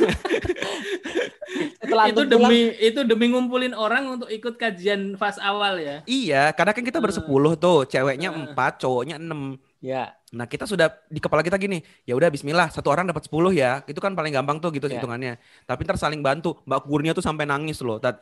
Dia tuh stres karena nggak dapat dapat terus bilang jangan dipikir sendiri Mbak, nanti kita bantu dari hitungan kita pokoknya itu tuh solid banget 10 orang bantuin itu. Dan dapat, alhamdulillah luar biasa. Waktu itu kayaknya biayanya masih 50 ribu ya. Ba- Bayar itu 50 ribu tuh, belum seperti sekarang. Bentar, bentar. mau nyari filter yang lain kayaknya Lu Iya, kebayang iya, gak sih aku harus memprestasikan itu semua? iya Nah, keba- kebayang banget Ini ini masih tak simpen loh. Apa Tat? Nih. Oh itu, oh iya, Iya, jadi ini ini dikasih sama Fuad di acara itu. iya. Padahal ya acaranya acaraku. Aku Jadi ngapain aku dikasih beginian? untuk bisa nyari orang mau daftar fast, kita kan bikin acara-acara kecil-kecil event-event loh, Tat. ya Seolah-olah sponsornya banyak padahal kita-kita juga. Iya. Kita bikin plakat padahal dari kita juga gitu loh. biar dulu kayaknya kita penting masih gitu ya Iya. kita itu masih standar apa ya pengajian konvensional pada umumnya ya. Jadi Iya, ada bener bener bener. dan Terus dulu nanti- bahkan ngefas itu kan kayak ada tilawatil Qur'annya dulu gitu kan ya. betul, betul, betul. Dan 10 orang itu disebar. Nanti seolah-olah kayak kita tuh bukan bagian dari acara ini. Kita harus ajak ngobrol kiri dan kanan kita. Ih, Oh, iya. ustadznya seru ya, gitu kayak gitu. aku pengen ikut nggak? Aku kayaknya pengen ikut deh. Padahal kita udah bagian dari itu gitu. Itu Aku aku aku baru tahu loh perjuangan kalian itu. Oh my God. ternyata, ternyata kalian menggunakan cara-cara kotor semacam itu ya itu tidak pernah aku ajarkan sama sekali loh itu. Kan belum pernah kenal waktu itu. Iya iya iya. iya. Aku Jadi- pikir semuanya tuh baik-baik saja. Ternyata kayak gini ya. Tidak. Kan waktu itu aku sama Fuad itu bikin meeting khusus Hmm. untuk membagi pertanyaan apa yang harus ditanya. Betul. Jangan sampai jamaah nanya pertanyaan yang aku nggak bisa jawab gitu kan. Betul. Jadi nanti pertanyaannya itu sudah ada sebenarnya. Kayak gitu-gitu. Wah. Kita kita nggak pernah merekayasa kayak gitu ya. Antum, antum tahu nggak sih apa yang terjadi ketika ketika Mas Hidayat pertama kali ikut gabung sama kita? Dia tuh Oh. datang dengan dengan Konsep. rundown, dengan rundown gitu kan ya. Aku pernah dengar. Anda yang sangat lengkap, termasuk penanyanya siapa. Saya sama Mas Cahyo cuma ngeliat tiga detik terus kita buang kertasnya. Kita nggak perlu. gitu. Ustaz, Setelah tapi dia dia beliau konsisten loh, Tat. Sampai Iya, sekarang di, Betul. di studio masih ada tuh rundown-rundown begitu buat didikan-didikan beliau. Kalau saya saya buang langsung kenapa? Menghilangkan kekuatan kita yang paling utama apa? Spontanitas. Hmm, Iya. Iya, gara-gara Anda spontan saya sendirian tadi 20 menit. Enggak Iya, dong, Ran. aku kan masuk tadi Iya, sebentar. terus gue ditinggal. Sampai ada sapaan satu. Kalau dijawab ini sapaannya begini. Nanti Iya. kalau jawab Aduh. ini jawabannya begini. Wah, Iya, ini ini hubungan macam apa klise begini? iya, aku, aku langsung mumet ngeliat itu tau nggak? Mumet Iya, aku iya. langsung. Tapi jujur kalau aku ngebuat formula yang dulu kita lakuin di Jogja itu bukan karena klise atau apa, tapi karena aku sadar aku tuh nggak punya ilmu. Betul. Kita Ya, itu dulu kan il- dulu kan ini kan kita bukan Superman, Superman. tapi super team kan gitu ya. Ah, kita itu harus bareng-bareng. MLM Ya, banget. Kita Iya, bukan jadi Superman tapi super team. Iya, jadi kalau kita jalan tuh bareng, tapi begitu ada jamaah yang datang langsung kayak Ustadz di depan, aku di belakang, set kayak gitu kayak Ya. positioning, woi. Ya. Iya, iya, iya. Ah, luar biasa ya cerita Baru kita. pertanyaan satu sudah satu jam. Iya. Kita masuk ke Iya, pertanyaan iya. kedua yuk. Ya, silakan, silakan. Wah, ini menarik pertanyaannya nih ya. Maaf para ustadz sebelumnya, saya bertanya ini tidak bermasuk apa pun. Ya bermaksud nanya lah gimana sih. Hanya saja saya penasaran tentang teori bumi datar. Sebab baru-baru ini teman Gawe saya mumet wae, Mbak, Mbak. baru-baru teman saya sharing tentang akun YouTube yang bahas tentang teori konspirasi gitu dan di sana ada pembahasan tentang teori itu. Yang saya ingin tanyakan satu, pandangan Ustadz apa tentang teori itu? Yang kedua, saya pernah dengar Ustadz Wimar sempat percaya teori itu. Jadi apa yang Gila. membuat Ustadz Wimar sampai mempercayai teori tersebut? Dia Bukan bukan, sempat, sempat. percaya, dia masih percaya. Dia percaya. Fitnah macam apa ini coba? Insya Allah, Ustaz, Ustaz Felix. Aku tuh cuma khawatir loh, pahala Ustadz Felix yang banyak itu keserap aku semua gara-gara bumi datar. ini ini takia macam apa Wimar? Tat, aku itu udah nyampein ke antum, tapi antum yang nggak pernah percaya. ya ya gimana Aku gimana? nanya Gimana? sama Ustadz Felix perkara Ya. bumi datar, bumi bulat. Dia Hmm. bilang ini bukan perkara akidah, mau percaya yang mana pun boleh-boleh aja. Kan gitu Ya. ceritanya. Betul. Ya. Ya sudah, berarti aku meletakkan posisinya ini sebagai sesuatu yang nggak penting dibahas. Wong Oh, bulat ya gitu. boleh, wong datar ya boleh, gitu kan. Mm. Aku cuma nyeletuk, tapi aku lebih seneng datar. Mau ngomong gitu. itu. Coba, coba satu celetukan dibikin klaim gitu bahwa Dan aku salah sampai satu- sekarang semua orang mengenal Ustadz Wimar dengan bumi datar ya. Iya, betul. Itulah yang Iya, terjadi memang. Karena dia mempromosikan bumi datar. enggak lah, di fase itu materinya semua bumi bulat. Iya itu materi itu disampaikan oleh penganut bumi datar. Ya. Berarti ini kla- klarifikasinya Ustadz Wimar sebenarnya nggak pernah. Tapi kayaknya Antum dulu kayaknya sempat percaya nggak sih? Ini kan antum diajarin juga kan? Iya, aku kan yang kenalin teori itu kan Ustadz Wimar. Nih tonton deh. Iya. Gua pulang terus Nih, kayak gua langsung kasih kayak, tahu ya ceritanya Ah ya. iya, datar langsung kayak gitu. Serius. Itu filmnya tuh bikin kita langsung kerasa kayak Iya, gitu. oke oke. Aku aku aku kasih tahu runutannya ya. Ya. Jadi dari cerita si Flat Earth 101 itu gitu kan ya. Iya. Aku mulai kepikiran, wah ini nggak nggak nggak bisa ditolak, nggak bisa diterima karena aku nggak punya alat buat memverifikasi, ya kan? Ya kan aku Mm. nggak punya pesawat ulang alik buat ngecek gitu kan ya. Iya, betul. Tetapi masalahnya yang diomongin dia itu ya Kayak bener gitu. kayak bener gitu. Iya, nah, bener. apalagi terus lanjut laun ada cerita ayat-ayat keluar kan. Gitu coba. Iya, mulai Allah muncul dalil-dalil gitu. Ya. malam. Kalau buminya bulat agak repot. ya kan? buminya bulat nih. Ya kan? Kalau turunnya dari sini, ini kan berarti naik menurut orang yang ada di bawah. Wah, jadinya. Kalau buminya datar selesai turun ya selesai misalnya. Terus nanti keluar lagi cerita tentang dihamparkan, wah cerita tentang Ya. bahtera atau cerita macam-macam. Lah habis itu aku konsultasi sama Ustadz Felix nanya, Nah, ini perkaranya sebenarnya apa? Terus di- disampaikan bahwa ini bukan perkara akidah, Jadi ya perkara semacam ini jangan disangkut pautkan sama akidah. Ya udah aku terima. Cuma aku seneng kalau datar gitu. Ya, aku nggak bilang percaya. Oke, oke. Kayaknya Antum kalau senang datar tuh enak gitu lurus. Oh, ya. gitu. Kalau datar Iya. lebih enak di maksudnya lebih enak apa? Lebih enak dipahamin atau apa? ya ya lebih enak aja datar kan jadi nggak nggak bulat gitu udah cuma, itu cuma urusan kayak suka es krim vanilla sama es krim strawberry Oh, oke oke oke oke oke. Gimana? Berarti, berarti antum nggak suka kalau bumi itu bulat. Lebih suka datar bukan berarti nggak suka bulat nah itu antum klaim lagi padahal itu materi antum orang Itu suka materi antum ya, bener. Itu Iya, materi antum, Ustaz. Felix dia Iya, tuh emang iya, Saya kayak iya. gitu. nguji, saya nguji. Loh, orang suka vanilla belum tentu bisa diklaim dia nggak suka coklat. Bagus, orang aku Iya. cuma bagus. bilang enakan datar, tapi kalau Iya. bulat ya boleh gitu. Cuma nanti kalau di akhirat sih aku mau datengin Ustadz Felix. Ntar aku cari gitu di surga mana dia punya rumah kira-kira. Ya kalau antum nggak ketemu di surga, tolong cari saya di surga yang lebih di atas.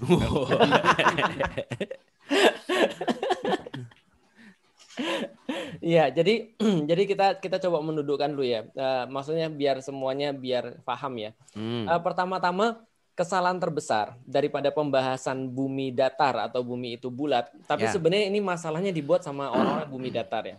Ya. Karena beberapa orang yang meyakini bumi datar pernah datang ke saya lalu mencoba untuk diskusi. Yang parah adalah mereka ini memasukkan perkara bumi datar dan bulat ini dalam permasalahan akidah. Karena mainnya sudah ayat tuh. Karena mereka kemudian uh, menganggap bahwa bumi datar itu punya dasar ayat, maka siapa pun yang tidak mempercayai bumi datar berarti tidak percaya dengan ayat. Gampangnya seperti itu. Oh, Oke. Padahal ada perbedaan di sini. Jadi gini perbedaannya. Harusnya setiap orang muslim itu menganggap bahwa pemahaman dia tentang ayat, dia ya, bu- belum tentu pemahaman ayat. Jadi kalau saya tidak sepakat dengan uh, pemahaman dia, belum tentu saya tidak sepakat dengan ayatnya kan gitu kan ya Hmm. sebenarnya kan ya. Nah, tapi ada orang-orang kebanyakan bumi yang yang percaya dengan bumi datar ini mereka percaya sampai level akidah. Oh. Nah, sehingga kalau kita tidak percaya bumi itu datar, kita dianggap berdusta dengan Al-Qur'an. Kita Hmm. dianggap mendustai Al-Quran. Nah ini yang kemudian saya bilang nggak sepakat. Kenapa? Oh. Karena saya jelasin tadi ke, nah itulah di belakangnya. nah saya jelasin kepada kepada Wimar. Saya bilang, bro, eh, sebenarnya ya kasus kalau seandainya pun antum percaya dengan bumi datar, itu tidak membuat antum bermaksiat dalam tanda kutip. Bisa Ya. jadi salah, bisa Boleh jadi kan? benar, tapi tidak bermaksiat. Artinya dalam dalam arti gini, kayak orang ditanya 7 tambah 7 berapa? Jawabannya 15. Itu nggak maksiat. Cuma lucu aja. iya. Tiba-tiba eh, Felix tuh bilang gitu kemarin tuh. Iya, karena karena gini, justru ketika permasalahan bumi datar atau bulat, kalau masalah enak atau tidak enak, justru kita lebih enak dengan bumi bulat. Kenapa? Karena semua teori jadi make sense. Kita nggak perlu buat teori yang baru atau nggak nggak perlu buat teori penyesuaian atau teori yang adjustment terhadap apa pun. Misal contoh bagaimana posisi matahari ke bumi, teori gerhana matahari, lalu kemudian eh, apalagi misalnya teori tentang Pitagoras yang mengukur bagaimana eh, bagaimana apa namanya eh, dalam bumi, luas bumi, eh, keliling permukaan dan segala macam itu semua jadi make sense. Nah, Hmm. tapi kalau dikatakan bumi ini datar justru semuanya jadi jadi nggak jelas. Karena kenapa? Karena sulit dihitung, harus perlu beberapa teori adjustment gitu. Jadi sebenarnya itu sih. Tapi balik lagi, ada sesuatu yang menarik yang kemudian disampaikan sama kalau saya nggak salah Syekh Nasruddin Al Albani ketika membahas tentang teori bumi bulat atau bumi datar. Beliau berkata begini, kalaupun ada ulama yang berkata bahwa bumi itu datar, bahwa dia berpendapat bumi itu datar berdasarkan beberapa ayat, maka kesalahannya sa- hanya sampai pada kesalahan ijtihadiyah. Hmm. Dan kesalahan ijtihadiyah ini pun masih berpahala satu.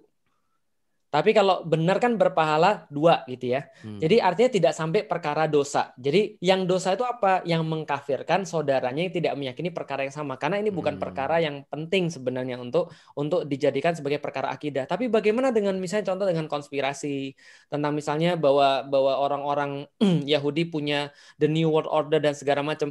Tanpa tanpa teori bumi datar, kita Ya. juga sudah bisa tahu bahwa ada konspirasi dan ada usaha mereka walantardo angkal Yahudu walanasoro hatta tattabi'a millatahum ataupun ya teori bumi donat ataupun teori bumi Iya, cekung iya, dan iya. segala macam. Artinya saya mendudukan tetap sama. Artinya saya bilang sama ada pernah orang yang mengkafirkan saya gara-gara saya bilang bumi itu bulat. dan dia percaya bumi itu datar atau cekung ataupun donat. Dia bilang gini, Ustaz tidak percaya dengan ayat-ayat kayak gini. Saya bilang antum kalau menjadikan Al-Qur'an sebagai kemudian buku sains itu antum mendegrade uh, Al-Qur'an. Al-Quran itu bukan buku sains, tapi adalah huda linnas, petunjuk bagi manusia jangan didegrade menjadi buku sains. Karena kalau buku sains semua orang bisa mempertanyakan kebenaran Al-Qur'an menurut teorinya dia.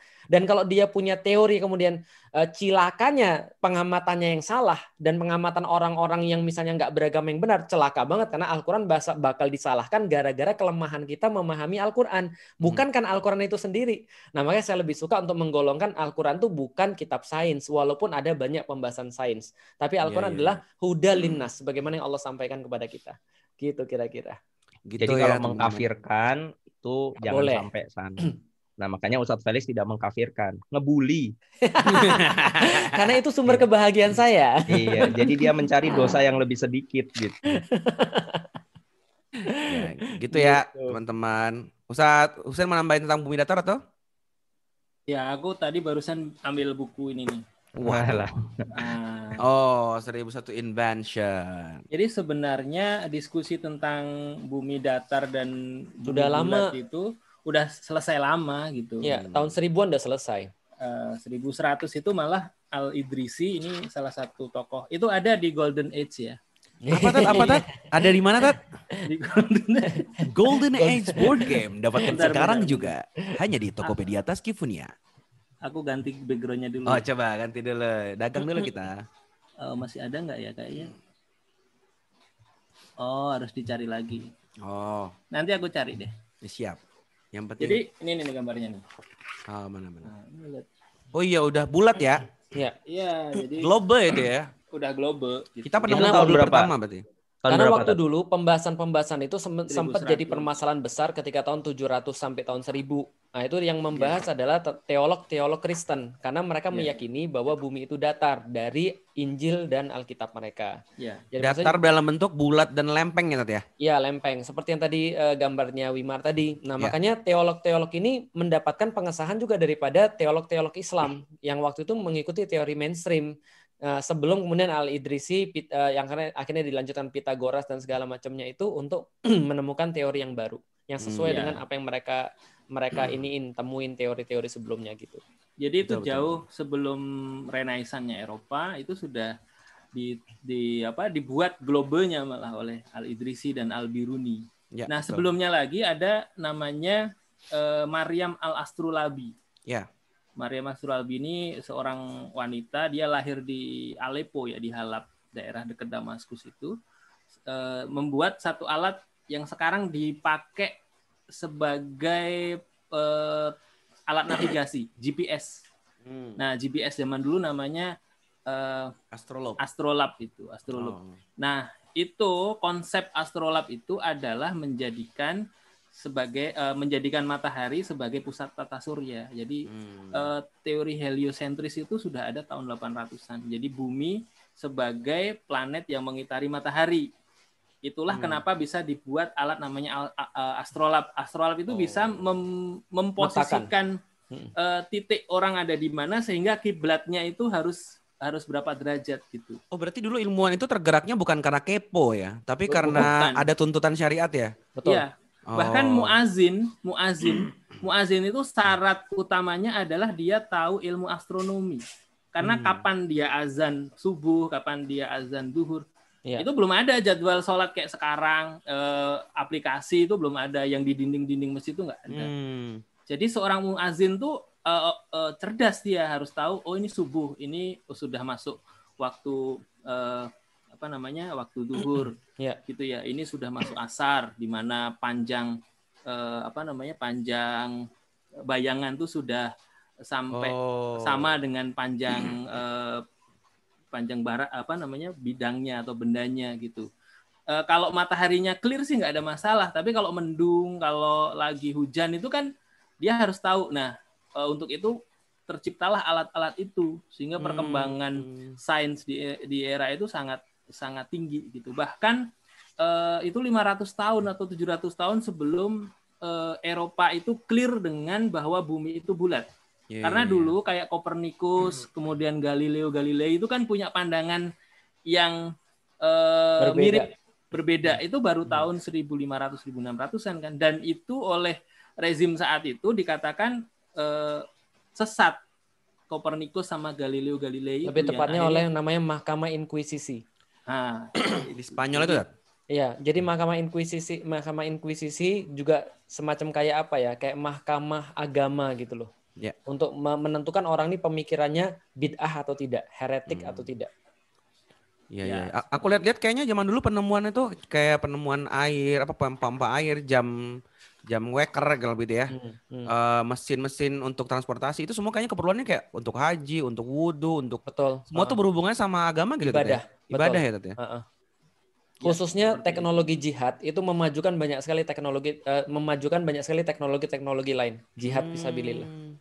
Iya, iya, iya, iya. Ya, Keren ya. oh, oh, mm, jadi kayak eh, petanya Piri Reis itu di tahun 1513 nanti kalau teman-teman berkesempatan ke Istanbul nanti saya tunjukin tempatnya di mana itu eh, peta-peta itu berada itu di tahun itu itu sudah sangat detail dan kalau banget kita ya untuk ditunjukkan peta itu ya. Google bisa loh. dan kalau apa-apa sekalian kesulitan jalan-jalan. Kita kan ada Itu- program apa namanya?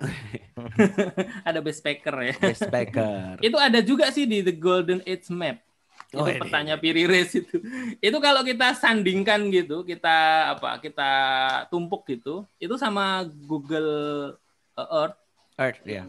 sekarang dipakai sebagai Google Map itu itu nggak jauh beda bayangkan Padahal zaman dulu belum ada GPS ya. belum ada belum ada GPS belum ada satelit gitu tapi dengan perhitungan eh, astronomis tadi bisa bisa masuk gitu Dan dan ini loh eh, yang penting ya, yang penting kita untuk dapetin coba bayangin itu tidak mengganggu ibadah mereka. Paham kan? Jadi Hmm. teori-teori apa pun, mau bumi mengelilingi matahari, mau matahari mengelilingi bumi, mau bumi datar, mau bumi bulat, mau apa aja, itu nggak mempengaruhi ibadah mereka loh. Orang zaman sekarang aja itu banyak talk the road tapi tidak walk the road. Jadi mereka cuma ngomongin tapi mereka nggak mau menjalani. Artinya ini yang berbahaya. Dan bahkan ngomonginnya sekarang jadi masalah. Kayak tadi baru ngomong tentang bumi datar, bumi bulat aja sudah saling mengkafirkan. Ini bahaya banget. Iya, iya. Berarti Padahal itu nggak mengganggu ibadah kita sama sekali. berarti sudut pandangnya tuh di titik itu tadi ya, bukan masalah Betul. benar salahnya tapi jangan sampai taraf akidah gitu tadi ya. Betul. Dan kalau kita mau membicarakan tentang teori konspirasi global, mau membicarakan tentang ya segala macam tentang itu, kita bisa punya beberapa source yang lain. Tidak harus dari source bumi itu datar atau bumi itu bulat. Karena kita harus tahu bahwa yang membahas bumi itu datar bukan hanya Muslim, tapi juga Hmm. yang justru meramaikan pembahasan itu adalah justru orang-orang Kristen pada saat itu. Iya, iya, iya, Gitu. iya. Gitu teman-teman ya. Jadi yang saya tahu juga kayak gitu. Kalau mau ngomongin soal tadi ada yang nanya soal konspirasi-konspirasi itu, Ya. itu emang ada dan itu nggak ada hubungannya sama Ya, flat earth ya. Sebenarnya maksudnya Nggak ada. tanpa ada itu pun itu udah ada konspirasi sebenarnya gitu Tat, ya, sudah selesai. Iya, oke oke oke. Makasih penjela- penjelasannya Ustadz. Banyak yang penasaran tuh sama buku itu. Itu bukunya mahal loh itu ya. Pesannya dari dari mana? Dari Inggris ya? Ya, Yaitu versi mahalnya ke Istanbul. Kalau versi murahnya tadi kan bisa lihat di apa peta Golden Golden Age. Golden Dapatkan hanya di Tokopedia Taskifunia. atau bisa juga dilihat di gambar-gambar yang kita cetak di modul ngefas. Itu semua. tapi buram.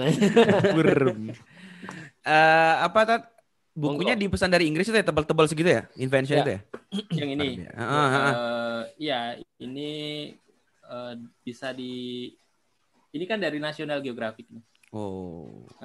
Berarti Eh. Nat, Nat- Geo mengakui itu ya? Ini bukan karang-karangan kita sendiri ya?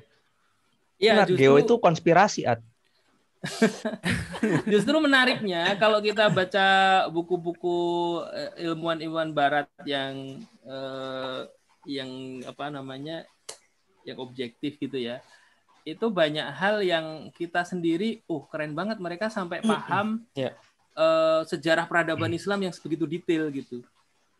Sedangkan kita percaya aja enggak gitu. Padahal Ya. eh, ya di titik itulah.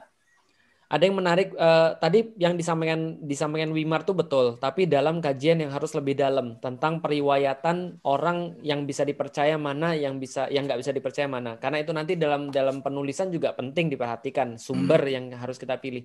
Tapi dalam kasus sains itu ada ada satu kutipan yang sangat menarik ketika saya lagi baca.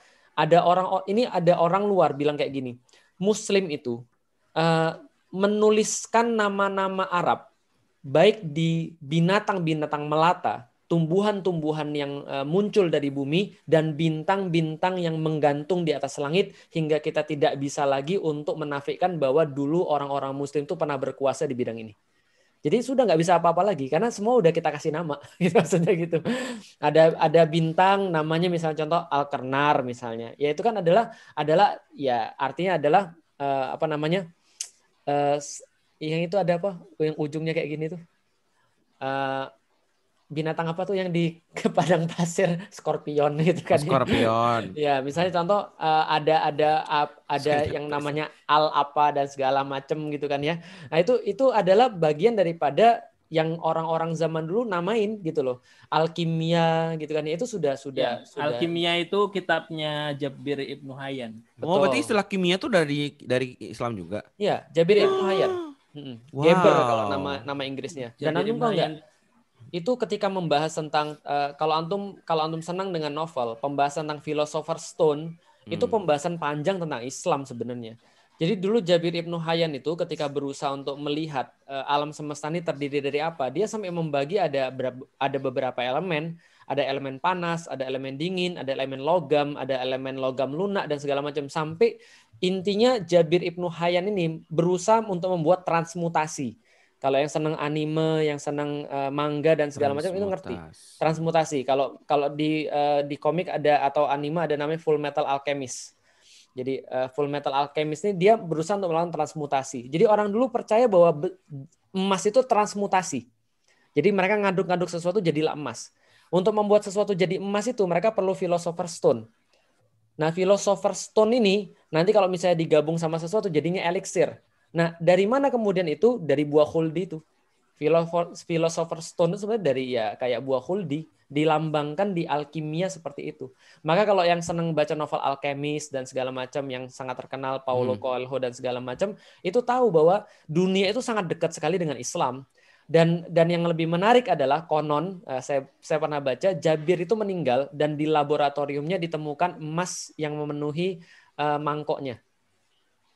Nah, orang-orang lantas lalu kemudian berspekulasi ini jangan-jangan Jabir Ibnu Hayyan sudah berhasil transmutasi menjadi emas menjadi emas. Tapi ya enggak. Itu kan oh. emas air sebenarnya. Ya kita uh. sudah tahu dalam teori sekarang kan ya emas ya emas emas ya aurum kan gitu kan ya. Dan dan uh, dan bukan bahan transmutasi kan gitu maksudnya. Ya setidaknya itu yang kita yang kita pahami sekarang ya. Tapi yang pengen saya sama adalah begitu dekatnya ilmu itu dengan Islam. Jadi orang Islam itu adalah orang-orang yang menggali ilmu-ilmu yang ditinggalkan oleh orang-orang Yunani lalu kemudian menggali dengan bahasa Arab sehingga waktu itu kalau ada orang mau mempelajari ilmu mereka harus pelajari dalam bahasa Arab Hmm. Sama kayak sekarang kita kalau belajar ilmu harus pakai bahasa Inggris ya.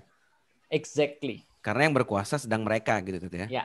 Zaman dulu orang mau nggak mau pakai bahasa Arab karena yang sedang berkuasa ilmuwan-ilmuannya dari Islam ya Ustaz ya. Iya betul. Makanya setiap ada banyak yang al itu ya sudah bisa, bisa hampir bisa dipastikan ada ada hmm. orang uh, ada turut campur orang-orang muslim di situ. Iya iya iya gitu. Luar biasa masya Allah. Oke itu ya teman-teman ya. Semoga bisa dipahamin bahwa kita tuh luar biasa banget dulu ya. Nanti lebih lanjut kapan-kapan mungkin kita bisa bahas soal uh, golden ages itu ya. Insya Allah. Dengan petanya yang sudah terpampang nyata di sini oke pertanyaan selanjutnya. Kita coba lihat. Assalamualaikum warahmatullahi wabarakatuh. Semoga para ustadz dan asatis diberikan kesehatan dan perlindungan di mana pun berada. Amin. Saya mau tanya, sebagai seorang yang masih sangat fakir ilmu, adakah perbedaan antara menuntut ilmu sendiri dengan membaca kajian online atau hadir langsung bertatap muka di majelis ilmu atau pondok? Baik yang mana Ustadz? Karena saya pernah mendengar kalau menuntut ilmu sendiri tanpa guru takutnya lebih mudah di, dijerumus oleh bisikan setan. Mohon bimbingan dan penjelasnya terima kasih. Gitu. Ya. Pernah saya dengar juga sih katanya kalau belajar sendiri nanti uh, di dia yang ngajar kita setan dulu teman saya ya. waktu saya ikut ngaji di ngaji itu tuh dibilang begitu. Sholatnya ya. mana? Mm-hmm. Itu sama mana? Gurunya mana? Itu kalau enggak tuh kita dibimbing setan. Itu ngeri banget. Karena teman saya nggak mau ikut ngaji gara-gara itu dulu. Ya. Pertama-tama ya, eh, ada banyak sekali ayat-ayat di dalam Al-Quran yang nyuruh manusia untuk mikir. Jadi tolong dibedakan dulu antara ilmu yang perlu guru dengan ilmu yang mohon maaf ya, itu bisa kita panen daripada daripada alam ataupun daripada mana pun. Oke. Okay. Contoh misalnya ya, yang saya jelasin tadi, ada ratusan ayat di dalam Al-Quran nyuruh kita untuk berpikir. Contoh misalnya inna fi khalqis samawati wal ard wa ikhtilafil laili wan nahar la ayati liulil albab. Sesungguhnya dalam penciptaan langit dan bumi, silih bergantinya malam dan siang terdapat tanda-tanda bagi kaum yang berfikir. Banyak sekali ratusan ayat dan ada ratusan ayat yang justru mengancam manusia bahwa kalau dia nggak mikir dia bakal masuk neraka. Hmm. Yang sangat terkenal walaqad zara'na li jahannama katsiran minal jinni wal insi lahum qulubu la yafqahuna biha dan seterusnya. Telah masuk dalam neraka jahanam kenapa ada orang-orang dikasih akal tapi dia tidak mau berpikir. Suatu waktu Rasulullah Shallallahu alaihi wasallam itu pernah berkata tentang uh, tentang Salman Al-Farisi. Yeah. Jadi uh, untuk memuji bagaimana Salman Al Farisi ini berjalan menuju kebenaran tanpa pembimbing satupun. Hmm. Ketika dia menggunakan akal, maka dia merasa tidak puas karena akal ini fitrahnya adalah dia senantiasa fitrahnya mencari kebenaran dan dia nggak puas dengan perkara-perkara yang nggak masuk akal. Maka Salman Al Farisi itu nanya, kenapa kita harus nyembah api? Orang-orang nggak ada yang bisa kemudian untuk menjelaskan pada dia. Maka dia bilang, enggak, saya harus cari tahu sesuatu. Saya nggak mau taken for granted. Maka Rasulullah ketika kemudian memuji Salman Al-Farisi mengatakan, andaikan keimanan itu ada di Suraya, Suraya itu adalah Jupiter zaman dulu. Jadi oh. bayangin aja, kalau seandainya keimanan itu ada di bintang Suraya, Salaman Al Farisi dapat itu. Artinya siapa pembimbingnya dia? Nggak ada. Hmm. Kasus kasus yang lain lagi misalnya, ketika Raja Najas itu masuk Islam, itu kan baru ketahuan setelah dia meninggal. Yeah. Siapa yang tahu dia masuk Islam? Nggak ada. Pembimbingnya siapa? Yang hmm. dia kemudian terjadi adalah dia cuma mendengarkan Ja'far bin Abu Talib diskusi dengan uh, Amr bin As, membacakan beberapa ayat, kemudian itu terjadi kemudian dalam dirinya sendiri. Dalam dalam uh, dalam Al-Quran banyak Allah katakan uh, siapa pun siapa pun yang kemudian bersabar atas musibah-musibah daripada Allah, Allah katakan langsung yahdi kolbah. Allah yang langsung uh, turun tangan untuk membimbing hatinya. Mhm. Artinya kita juga nggak bisa meremehkan ada ada campur tangan Allah di situ. Artinya tidak harus perlu dengan pembimbing. Nah, hanya saja kita tidak mengatakan bahwa uh, ngaji sendiri itu adalah sesuatu yang harus kita lakukan bebas. Tidak. Berpikir tentang ayat, membaca Al-Quran sendirian walaupun nggak ada pembimbing, kita tetap harus lakukan. Tapi kalau kita memahami beberapa hal-hal tertentu yang pemahaman itu dalam tanda kutip memang harus memerlukan pembimbing, di situlah kemudian kita harus punya pembimbing. Maka nggak ada satupun yang di ngaji nggak punya pembimbing, hmm. gitu kan ya. Nah contoh misalnya memahami satu ayat misalnya tentang tentang problem fawailul lil musallin dan celakalah orang-orang yang melakukan sholat. Nah ini ini dalam pemahaman ini nggak boleh mikir sendiri. Apa yang maksudnya celaka melakukan sholat itu kan ya? Jangan-jangan orang-orang yang sholat itu celaka semuanya, iya, bahaya. Yeah. Nah maka di sinilah perlu pembimbing. Contoh lagi belajar hadis nggak ada pembimbing ya rusak. Belajar kemudian ilmu ilmu usul nggak ada pembimbing ya mati. Belajar balago nggak ada pembimbing ya mati juga. Di situlah kemudian ada ilmu yang memang bersanat yaitu adalah ilmu-ilmu yang memang perlu untuk sanat, tapi tidak berarti orang-orang yang belajar sendiri lantas salah atau kemudian pasti kena setan. Kesimpulannya ya, ya, ya. kalau bisa kita sampaikan adalah kalau memang di situ belum ada orang-orang yang bisa mem, yang bisa kita ajak gitu kan ya atau yang bisa membimbing kita, minimal kita punya pembimbing online, kita nonton dan kita manfaatkan hidayah dari mana saja. Seperti yang sudah tadi saya katakan, Salman Al Farisi bahkan nggak pernah ngelihat yuk ngaji online, bahkan nggak pernah ngelihat ceramahnya Ustadz Abdul Somad atau yang Hidayat. Beliau akhirnya sampai ke Madinah itu tadi ya? Iya betul. Oh, itu iya, iya. cuma karena berpikir tentang fitrah manusia. Karena manusia sudah dikasih semacam kayak mizan, dikasih uh, hatinya itu diberikan pertimbangan. Hmm. Kata Rasulullah, uh, istafti kolbak. Jadi uh, coba minta minta fatwa pada pada hatimu Kenapa? Karena kalau hatimu sedang merasa ini nggak benar dan kamu malu itu dilihat oleh orang lain, kemungkinan besar ini adalah sesuatu yang salah. Kemungkinan besar ya, bukan pasti. Hmm. Tapi kalau kamu merasa tenang mengerjakannya dan kamu happy-happy aja ketika bareng-bareng sama orang lain ketika mengerjakannya, berarti itu adalah sesuatu yang baik. Insya Allah. Nah, berarti itu adalah salah satu pembeda, walaupun bukan semua. Tapi hanya saja kalau ada guru, ya masa mau sendiri-sendiri, itu kan iya, kira-kira ya, ya, gitu ya. maksudnya. Gitu teman-teman ya. Jadi ada yang bisa kita kaji sendiri dan memang itu bisa. Apalagi akses sekarang semakin terbuka ya.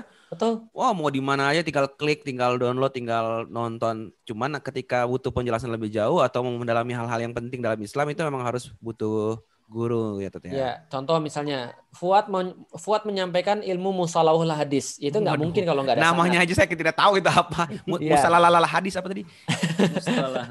musalahul hadis. Solahul. Oh, uh, itu ilmu Musola itu buat sholat di sini nah, itu kan nggak mungkin kalau nggak ada sanat. Walaupun iya. Fuad tahu, tapi tetap harus ada sanat. Kenapa? Sanat itu diperlukan sebagai kualifikasi. Guru oh. akan mengetahui ini anak layak ngajar atau tidak Walaupun dia sudah punya punya pengetahuan yang banyak, tapi kalau dia tidak layak ngajar, maka gurunya nggak akan memberikan sanat atau ijazah, Mm-mm. gitu kan ya. Tapi kalau misalnya gurunya udah melihat ini kayaknya orang bisa untuk ngajar, ya udah saya berikan sanat kepada kamu. Kamu bisa bilang kalau kamu adalah muridnya saya, sehingga kamu bisa eh, pakai untuk meyakinkan orang lain bahwa ilmu ini bukan ilmu sembarangan, gitu maksudnya. Tapi bukan berarti kita nggak boleh untuk ngajar, bukan nggak boleh kita untuk memberikan eh, saran pada teman kita. Contoh misalnya teman kita nanya ke kita nih, Hmm. Fuad, Fuad, mohon maaf, saya mau, eh, Fuad, saya mau nanya, kalau misalnya kita sudah nikah itu doanya sebelum sama istri itu apa ya? Waduh, mohon maaf, saya belum punya sanat, saya nggak bisa ngomong nih. Iya, Padahal iya. dia cuma punya akses antum waktu itu. Ya antum harus sampaikan. Tentu Ah. saja dengan kapasitas antum. Jangan sampai sesuatu yang tidak kapasitas antum. Contoh, antum ditanya, bagaimana Fuad membedakan antara hadis yang doif dan hadis yang hasan dengan hadis yang sohe? Antum bilang, Ya saya lo belum lihat aja, lo tatap-tatap aja, lo terawang, lo pegang. Iya, iya, iya. Nah, jadi itu sesuai dengan kapasitas. Jadi kira-kira gitu. benar, benar. Nah, ini apa nih? Iya. Komputer sound ini apa nih? Aku udah siap-siap ini. Apa sih? Oke, oke, oke. Aku nambahin dikit ya. Siap, Sat. Apa? Eh, ada hal yang penting juga ketika kita eh, hidup itu namanya kan kepribadian sahsiah sahsiah itu ada akliyah ada nafsiyah gitu jadi selain akliyah pola berpikir juga ada eh, ada nafsiyah ada pola sikap di sana ada namanya adab gitu ya Hmm. kalau kita baca banyak para ulama yang belajar adab itu bahkan eh, waktunya jauh melampaui dari belajar kontennya, belajar ilmunya. Dan itu akan sangat banyak didapat ketika ada interaksi langsung. Oh, adab gitu. ya. Bisa dipraktekkan langsung juga, Sat ya? Ya, karena kalau kita eh, belajar berkehidupan itu ada banyak hal yang memang tidak hanya ada di wilayah pikiran. Misalnya kayak komitmen, kayak istiqomah, eh, kayak eh, misalnya semangat, kemudian apa konsistensi itu istiqomah juga ya. Itu menjadi banyak hal yang bisa kita pelajari dari proses berinteraksi kita dengan betul, orang betul. yang kita ajak eh, apa namanya kita eh, kita ajak belajar gitu. Betul. Kalau cuma Dan- nonton kan bisa kapan aja di close, mau sambil lebah-lebahan, leleh gitu ya. Mm-mm, mm-mm. Hmm. Dan yang kedua adalah bahwa ada banyak pelajaran yang bisa kita ambil dari eh, banyak sumber gitu. Maksudnya eh, guru iya gitu, tapi alam itu memberikan pelajaran juga gitu. Anak kita, misalnya kita udah punya anak, itu banyak memberikan pelajaran buat kita. Ah. Eh, bahkan kalau kita berinteraksi dengan orang yang punya pemikiran yang beda dengan kita, kita jadi tahu banyak hal tentang bagaimana berinteraksi dengan orang yang berbeda. Gitu Iya, kan. iya, iya. Dan itu tidak bisa didapatkan dari proses hanya belajar dari tidak tahu menjadi tahu. Aspek ko- kognitif itu nggak bisa. Gitu. Makanya kalau kita baca di eh, apa eh, surat Ali Imran itu ya, Mhm. Inna fi khalqis samawati wal ar wa ikhtilafil laili wan nahar ayatil betul. alladzina yadhkuruna Allaha qiyaman wa qu'udan wa ala junubihim wa yatafakkaruna fi khalqis samawati wal ar Hmm. Rabbana ma khalaqta hadza batila subhanaka faqina Ada adzabannar. benar. Itu kalau kita baca eh, asbabun nuzulnya itu kan Mhm. Rasulullah itu pada suatu ketika ditunggu oleh para sahabat untuk sholat subuh Hmm. dan lama sekali Rasulullah nggak hadir. Kok Rasulullah eh, nggak hadir-hadir ya untuk untuk ngimamin sholat subuh gitu. Baru di apa penghujung waktu subuh itu beliau hadir dan mengimami. Hmm. Setelah itu kan ditanya oleh para sahabat, ya Rasulullah kenapa kok eh, subuhnya agak Telat. agak mepet-mepet gitu ya Hmm. dari sebelumnya gitu. Kemudian Rasulullah me- menyampaikan bahwa aku tadi itu menda- mendapatkan wahyu sebuah ayat yang sangat berat buatku gitu ya. Sehingga aku berpikir terus-menerus untuk eh, merealisasikan mempraktekkan ayat ini. Hmm. Jadi itu ayat yang meminta kita agar memperhatikan banyak hal di sekeliling kita Iya. untuk diambil insight-nya gitu ya. Itu berat ya, karena konteks harus- ini ya Mhm. Jadi pada titik terakhir eh, pada pada bagian itu wa ma khalaqta hadza batila. Jadi apa pun yang ada di dunia ini gitu ya. Itu ada banyak pelajaran gitu. Bahkan kalau kalau sederhananya kalau kita ketemu seseorang, ketemu Hmm. sahabat, itu ada di pikiran kita seharusnya ah aku bisa ngambil insight apa dari dia. Iya. Gitu. Aku lewat jalan yang baru misalnya eh, lihat kanan kiri, oh ada ide apa dari Hmm, sini betul, gitu Betul. aku melihat dunia yang berubah. Ada apa di sini? Itu kan hal-hal yang bisa kita pelajari gitu. Betul, betul. Dan eh, saya melihat eh, peradaban Islam itu bisa semaju itu waktu itu karena eh, generasinya semodal itu gitu. Jadi eh, melihat perubahan, melihat kebutuhan dan seterusnya itu dengan insight-insight baru, dengan pandangan-pandangan baru yang membuat dia berubah, berkembang gitu. Jadi Iya, itu iya, juga iya. bisa jadi eh, pembahasan di tadi ya tentang makna belajar. Gitu. Makna belajar. Iya, dan Ah, itu dulu pernah loh Ustadz Wimar kita di Fast Habits ya, itu ada satu habits yang harus kita jalankan eh, di episode berapa aku lupa. Itu kita harus keluar di pagi hari, pokoknya no gadget, no apa untuk ngeliatin lingkungan sekitar dan sore hari uh, instead of kita memang baca zikir pagi petang, tapi kan waktu itu memang awal-awal kita memang minimal kita keluar dulu untuk menikmati alam dan mentadaburi alam. Itu ngaruh banget. Ternyata dulu aku sempat mikir loh, kenapa sih Ustadz Wimar itu apa-apa jadi jokes? Misalkan nih dia dia bisa inget loh masalah ini kapan dijadiin masuk ke teori yang ini. Jadi misalkan lagi ngisi nih ya. Aku tuh pernah loh waktu itu kakakku begini. Aku pernah waktu itu jalan ada ponakanku gini kayak kok lu bisa inget semua itu? Kayaknya aku, aku tuh kayaknya hidup semua tuh jalan aja. Aku tuh nggak inget aja. ya kiri kananku tuh apa aku nggak tahu ya nggak mungkin inget itu serius itu aku benar bertanya-tanya berkali-kali gimana caranya bisa ingat semua yang terjadi dalam hidup kita kayak gitu nah aku jadi ngerasa aku baru dapat jawabannya eh, aku dapat jawabannya udah lama cuman baru aku dapat teorinya tuh tadi tadi pagi ketika aku nonton kajian aku oh ngerti aku teorinya Apa? ternyata eh, salah satu ustadz mengatakan begini kalau emosi kita atau nafs kita itu ya emosi kita tuh belum belum beres kita nggak bisa thinking clearly. Akal kita jadi misalkan hati kolbu kita ini nggak beres akal kita juga nggak bisa mikir dengan baik gitu. Aku jadi mikir gitu mungkin dulu tuh aku ya tadi ya orang yang masih baperan yang apa yang apa pokoknya hidup tuh nggak nggak nggak nggak bisa nyantai buat mikir loh. Orang stres kan nggak mungkin dia duduk dengan berpikir untuk dia tuh mikirnya ya masalah dia dan lain nggak bisa berpikir kayak di samping sini ini kenapa bisa kayak gitu ya? Siapa yang menciptakan ini nggak mungkin gitu ya. Sedangkan aku punya temen yang dia ngelihat air menetes di daun nangis. Serius kayak Hawariun ya. bukan dia sih belum belum. Jadi dia bisa sampai segitunya karena dia berpikir kayak ya nggak tau kayak penciptaan Allah kayak bisa kayak gitu. Nah aku tadi ya ke ini mungkin bisa sama teman-teman sekali-kali sekali-kali coba eh, udah nggak usah banyak pikiran dulu keluar deh sambil mengamati sekitar teman kita jangan gadgetan mulu gitu ya ngobrol Ya. tuh tatap orang ini apa yang bisa kita ambil dari dia itu kayaknya suatu hari akan jadi ada insight baru ketika teman-teman ngobrol gitu. Jadi kalau ada yang nanya Ustadz Feli kok bisa pintar gini sih, Ustadz Husain kok bisa pintar gini sih? Kayak banyak unsur kehidupan yang bisa diambil gini-gini ya. Karena mereka memperhatikan itu semua yang terjadi. Aku yakin Ustadz Feli nggak nyiapin semua itu kan ketika ngomong. Enggak. Aku nanti mau masukin cerita bapakku, masukin cerita. Kalau- gitu. Kalau dari aku ada hal yang perlu disiapkan untuk sampai ke titik itu, At. Apa itu?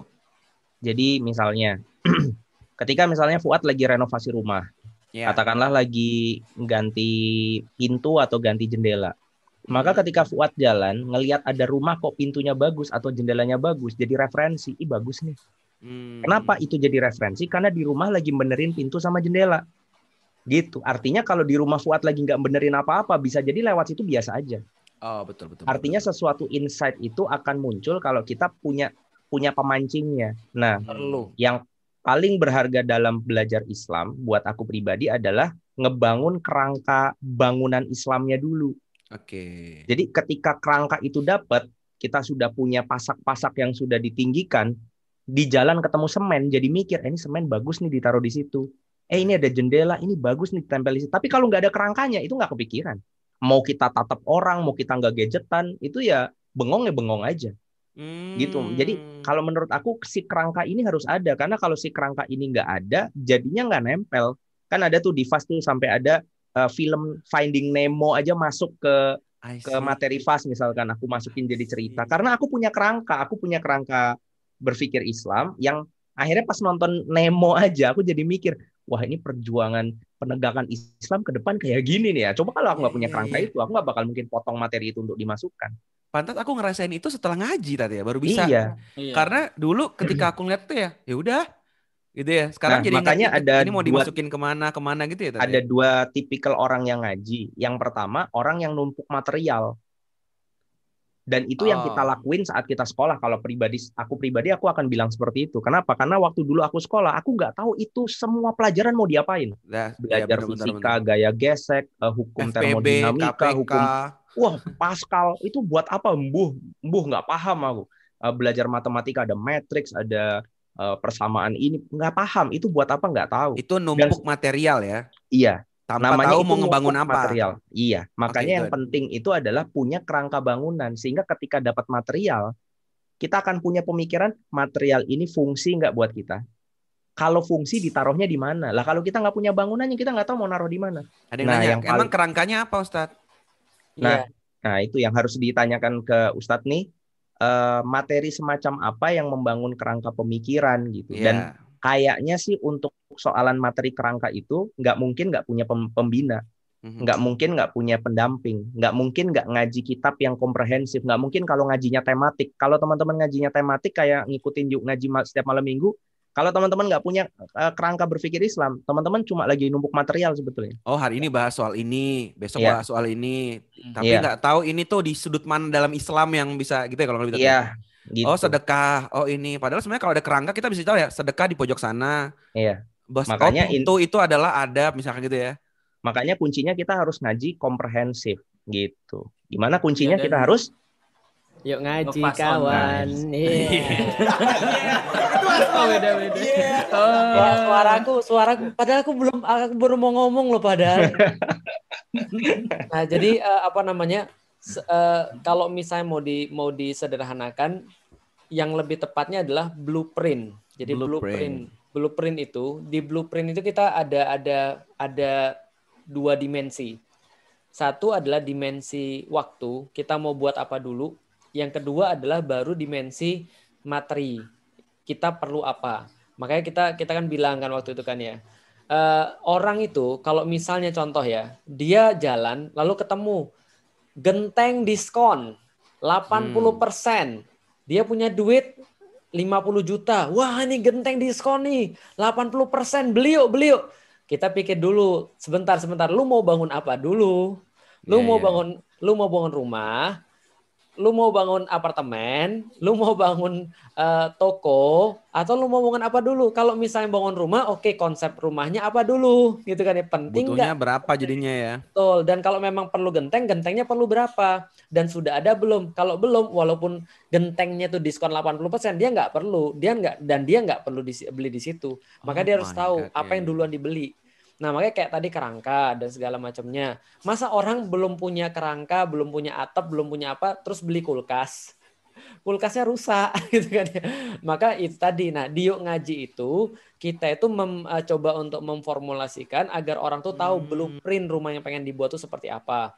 Wow. Minimal rumahmu kayak gini ya, oke. Tiang-tiangnya harus begini ya, oke. Nanti setelah di sini kamu boleh nih untuk untuk bisa bikin eh, dari sini nih, oh gaya Korea, oh di sini gaya apa dan segala macam. Nah materi itu sekarang adanya di Fast. Wih, Wih, baik kan aku kan? Yuk, iya, ngaji iya. kawan. Oh, Iya. Oke. Berarti kalau yang tadi Ustadz bilang, aku coba aku coba terjemahin bebas aja Ya, Dad ya. boleh. Ketika Ustadz bilang bahwa uh, ketika lihat genteng diskon nih, ah beli ah, ya ntar kan Ya. juga pasti kepake, entah kapan, entah Ya. bangun yang mana, padahal belum tentu dia butuh. Betul. Itu mirip-mirip pembahasan kita waktu sosial dilema ya Ustadz ya. Betul. heeh. Karena kan wah recommended bagus, nonton, klak, klik, krek, hilang, lost in the gadget gitu. Betul. Tanpa tahu itu tontonan yang dia butuhkan apa enggak kayak gitu kurang lebih Tat ya. Betul. Contoh contoh misalnya kayak gini ya. Eh, kalau saya buka kalau saya mau berguru sekarang ya, Mm-mm. maka yang paling sedikit saya perlukan adalah ketika pembahasan-pembahasan yang tidak relate dengan apa yang saya pengen raih. Yap. Saya kan sudah punya kerangka nih. Dan kerangka kerangka saya bagi saya sudah lumayan jelas. Dan saya sudah mau tahu ini rumah mau dikemanain nih. Saya harus punya rumah kayak apa untuk orang berapa dan segala macam. Nah, maka yang saya grab adalah yang saya perlu. Hmm. Tapi saya nggak akan grab yang saya nggak perlu. Oke, Contoh oke, misalnya oke. ya, saya nggak akan kayaknya sih untuk sekarang, untuk sekarang saya nggak akan pernah belajar tentang misal ya. Taruhlah uh, tentang ilmu apa yang sangat spesifik ya. Contoh misalnya ilmu untuk uh, nyantet orang misalnya.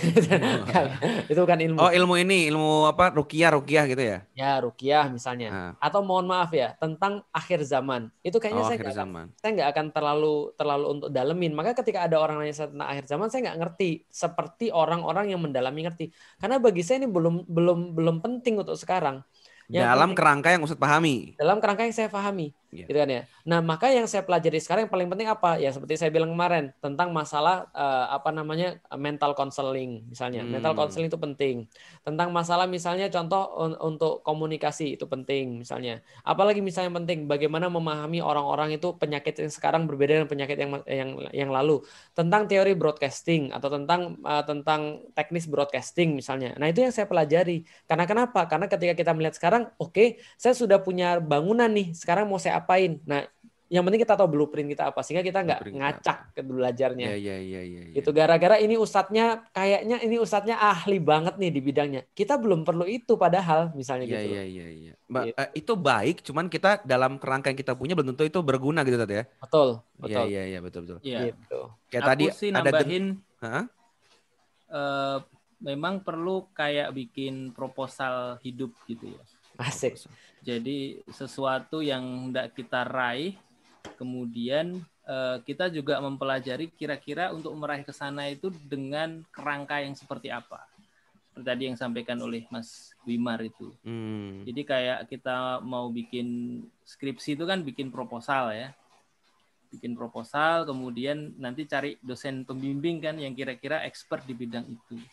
Dan ketika kita e, berguru pada seseorang, itu kalau konteksnya pertanyaan tadi, itu kan kita tidak hanya menyerap eh, apa yang dia katakan, karena yang tidak dikatakan itu sebenarnya jauh lebih banyak sebenarnya yang bisa kita ambil eh, insight-nya gitu terkait dengan eh, pembahasan eh, apa namanya tolabul ilmi tadi. Kalau dalam konsep teori kumulatif itu, itu kalau dengan mempelajari tadi pintu jendela aja udah banyak insight. Mm-hmm. Itu apalagi mempelajari dari orang yang punya expertise di bidang itu, yang dia sudah merangkum banyak hal, dia sudah punya pengalaman uh, sepanjang waktu tentang hal itu. Apalagi uh, dia punya kalau kita bahasakan dia punya sanat ilmu yang sampai Rasulullah gitu. Yeah artinya benda mati aja bisa kita pelajari lebih dalam, lebih detail gitu. Apalagi kita belajar kepada orang yang hidup, yang tidak hanya bisa kita belajari dari apa yang dia katakan, tapi juga bisa kita lihat dari apa yang dia perbuat, dengan keluarganya seperti apa, dengan anaknya seperti apa, gimana dia cara minum, senyumnya kayak apa, kalau jabat tangan itu genggaman tangannya seerat apa gitu. Nah itu dalam konsep kumulatif begitu, apalagi dia bisa nyambung sampai uh, Rasulullah sanatnya. Saya kira hmm. itu menjadi penting. Tapi yang terpenting adalah tadi bagaimana membangun kerangka berpikir, uh, kerangka pemahaman sehingga kita bisa uh, menaruh puzzle-puzzle ilmu yang kita dapat itu pada gambar besar yang hendak kita buat. Iya iya iya iya, gitu. masya Allah. Itu ya, teman-teman ya. Uh, semoga bermanfaat. Kita mau next dulu nih kayaknya pertanyaannya. Iya. Ini pada kabur ke mana para aset di sini? Oke lanjut. Ah, share screen. Oh, waduh, udah gak apa-apa. Mas Bimar kayaknya mau bikin kejutan ya. Ya, oke. Assalamualaikum. Kak, saya mau bertanya, ketika kita melihat suatu kezaliman atau ketidakadilan, sebenarnya apa yang harus kita lakukan sebagai seorang muslim? Apakah cukup dengan mendoakan atau berpikir positif? Sampai mana sih batasan kita berpikir positif? Positif itu gitu. Nah ini kayaknya kemarin udah, udah sempet pertanyaan yang aku juga tanyakan di grup ya. Jadi kemarin aku habis ngaji, kemudian di kajian itu aku dapat insight tentang uh, ada ya ini kalau dia bilangnya lihat kezoliman ya, mungkin ya sama ya ketidakadilan atau mungkin orang yang menghina Islam. Nah, sampai di batas mana kita mungkin harus berpikir positif atau menahan diri atau mungkin malah ikut menyuarakan karena bisa jadi kalau yang kemarin saya tanyakan ya Tat ya, bisa ya. jadi kita ngomong malah bikin terkenal orang itu. Kemarin misalkan ada nenek-nenek ngina Islam tuh. Ya. Itu kan menurut aku nggak ikut bahas karena aku tak tahu menger- semengertiku adalah dia nggak bukan siapa-siapa gitu. Ya, betul. Tapi kemudian ketika dibahas sama orang-orang kita, akun-akun dakwah kita malah jadi viral ke mana-mana, jadi terkenal, jadi kayak menurutku malah jadi tambah menjadi itu loh dia nyata. betul, betul. Nah, nah, sudut pandang Ustadz gimana nih terkait ini? Gitu. Ya, Eh, kita udah sampai ini ya. Jadi di dalam buku uh, Riyadus Solehin, Imam Nawawi itu membahas tentang enam gibah yang diperbolehkan. Wah, asik nih. Coba. Gibah apa tuh? Ya, salah satu di antara enam gibah yang diperbolehkan itu adalah ketika kita menghadapi seseorang yang kerusakannya itu kita khawatirkan lebih parah ketika kita tidak ngomong. Intinya seperti itu. Jadi gini, Hmm. kalau kita sederhanakan lagi ya, ada orang-orang yang kalau seandainya kita tidak naikin, itu tidak naik. Jadi artinya contoh ya, follower telur, tiba-tiba kemudian dia menghina Rasulullah, ngetek ke kita. Kita nggak perlu untuk kemudian nge-screenshot, lalu kemudian kita pajang akun penghina Islam, tolong laporkan. Tidak boleh. Itu malah dosa. Kenapa? Hmm. Karena kita justru menciarkan keburukan dan itu yang mereka pengen.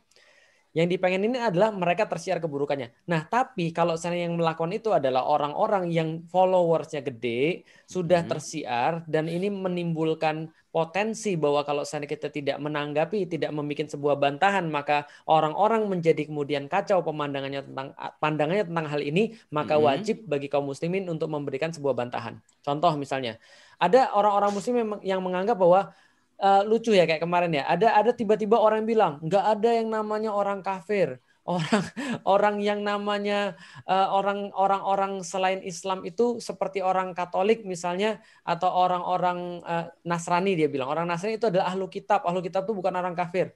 Ya kita senyum aja, nggak usah ditanggepin gitu kan ya. Tapi kalau Iya. misalnya ada pemikiran-pemikiran yang berbahaya yang orang anggap iya juga ya. Contoh kayak kemarin eh, ada orang lalu kemudian mengambil pendapat ulama yang nggak nikah, lalu dia bilang bahwa di dalam Islam tuh boleh childless Hmm. atau child free kata mereka. Jadi Islam tuh kayak kayak memperbolehkan dan memberikan dalil untuk itu. Padahal sebenarnya ada orang-orang tertentu yang dia cuma takut rezeki. Iya. Takut rezeki tapi mereka mengatakan bahwa kami perhitungan antara perhitungan dan takut rezeki itu kadang-kadang tipis banget gitu Iya. loh. Ada beberapa orang yang saya temukan, kenapa belum punya anak mas? Iya kami mau belajar dan segala macam segala macam. Saya bilang saya nggak menemukan dalil kamu tuh kamu tuh menunda dalam arti kemudian seolah-olah ya takut rezeki gitu maksudnya. Hmm. Atau ada beberapa hal yang berbahaya. Contoh misalnya kayak ada orang yang mengatakan ya jangan percaya sama Al-Qur'an. Ini jangan mau dibohongin sama Al-Qur'an. Itu harus dibantah. Kenapa? Karena fitnahnya sudah meluas. Tapi kalau misalnya fitnahnya ya cuma sekitar-kitar itu aja, artinya justru kita perlu untuk mendiamkan dan justru melaporkan pada sesuatu yang berwenang ya eh, kita nggak usah menyebarluaskan. Mau lebih gampang lagi, ada ada dua ada dua yang harus kita lihat.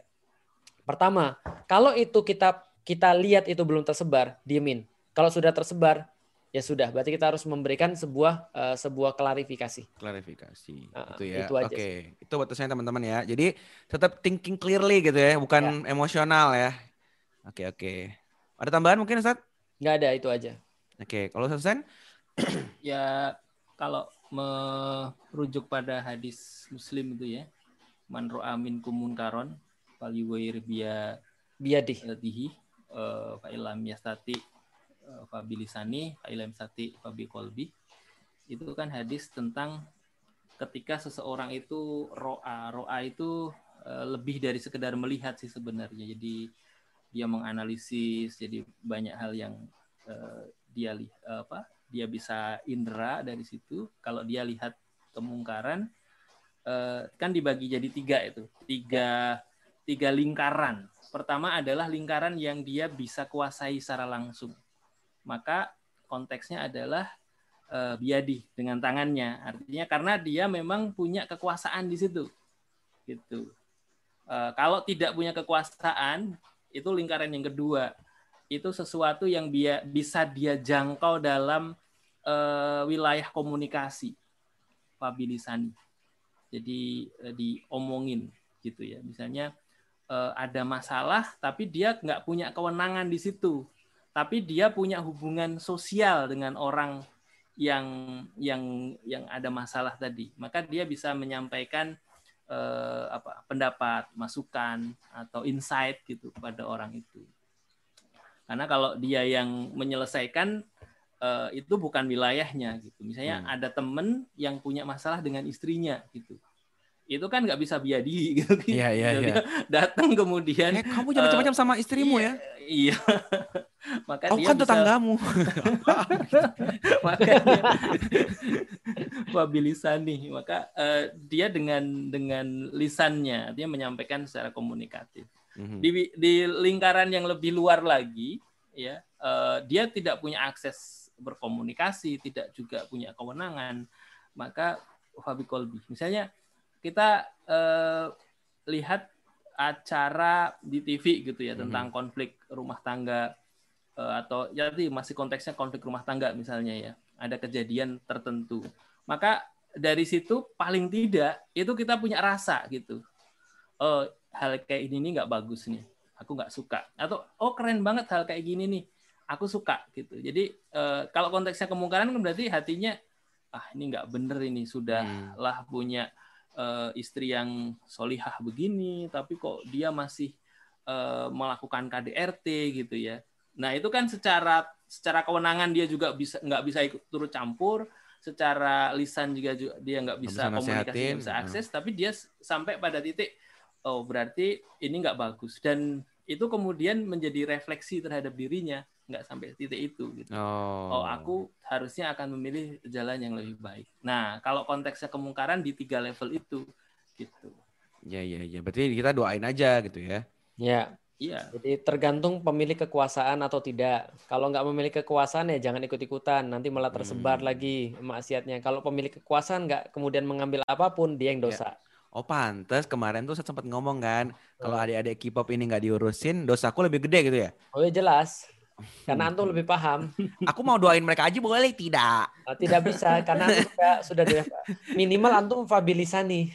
Mobilisane ya, benar-benar Iya. mobilisane. Sama kayak gini, ada ada anak kecil, mohon maaf agak ekstrim. Ada ada anak anak bukan kecil, lah, anak eh, anak 17 tahun nonton film porno, ya kan? Lalu bapaknya bilang, "Ya kan ada dalilnya, Fabi Kolbi. Saya sudah diamkan aja dengan hati. Kamu bapaknya. Bapaknya yang beliin dia gadget Anda. Iya.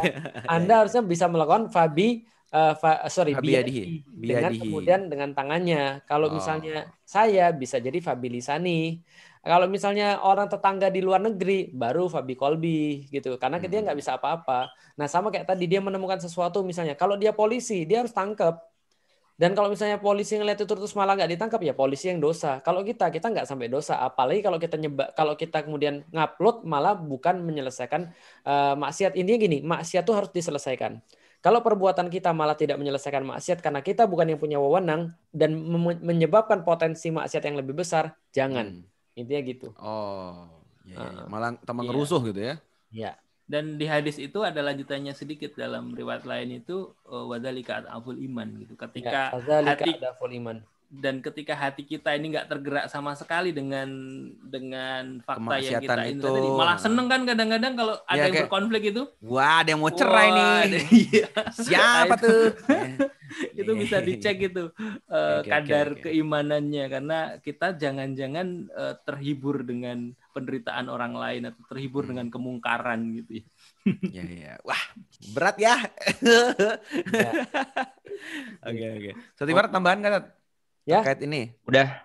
Udah. Wih, Oh, jidatnya ada jempol. ada jempolnya ya. Coba ada matanya bisa nggak? Tat?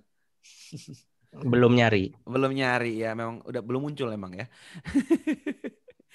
Oke. Oke, mungkin itu aja kali tanya jawab kita. Tat, ada ada hadiah nggak Tat buat teman-teman yang udah online hari ini? Oh, udah jam 10. Iya, nggak nyangka Biasa kan? ya. eh, nanti di storyin aja, Ya. dibikin resume yang kira-kira eh, sederhana untuk dipahami viewer yang lain.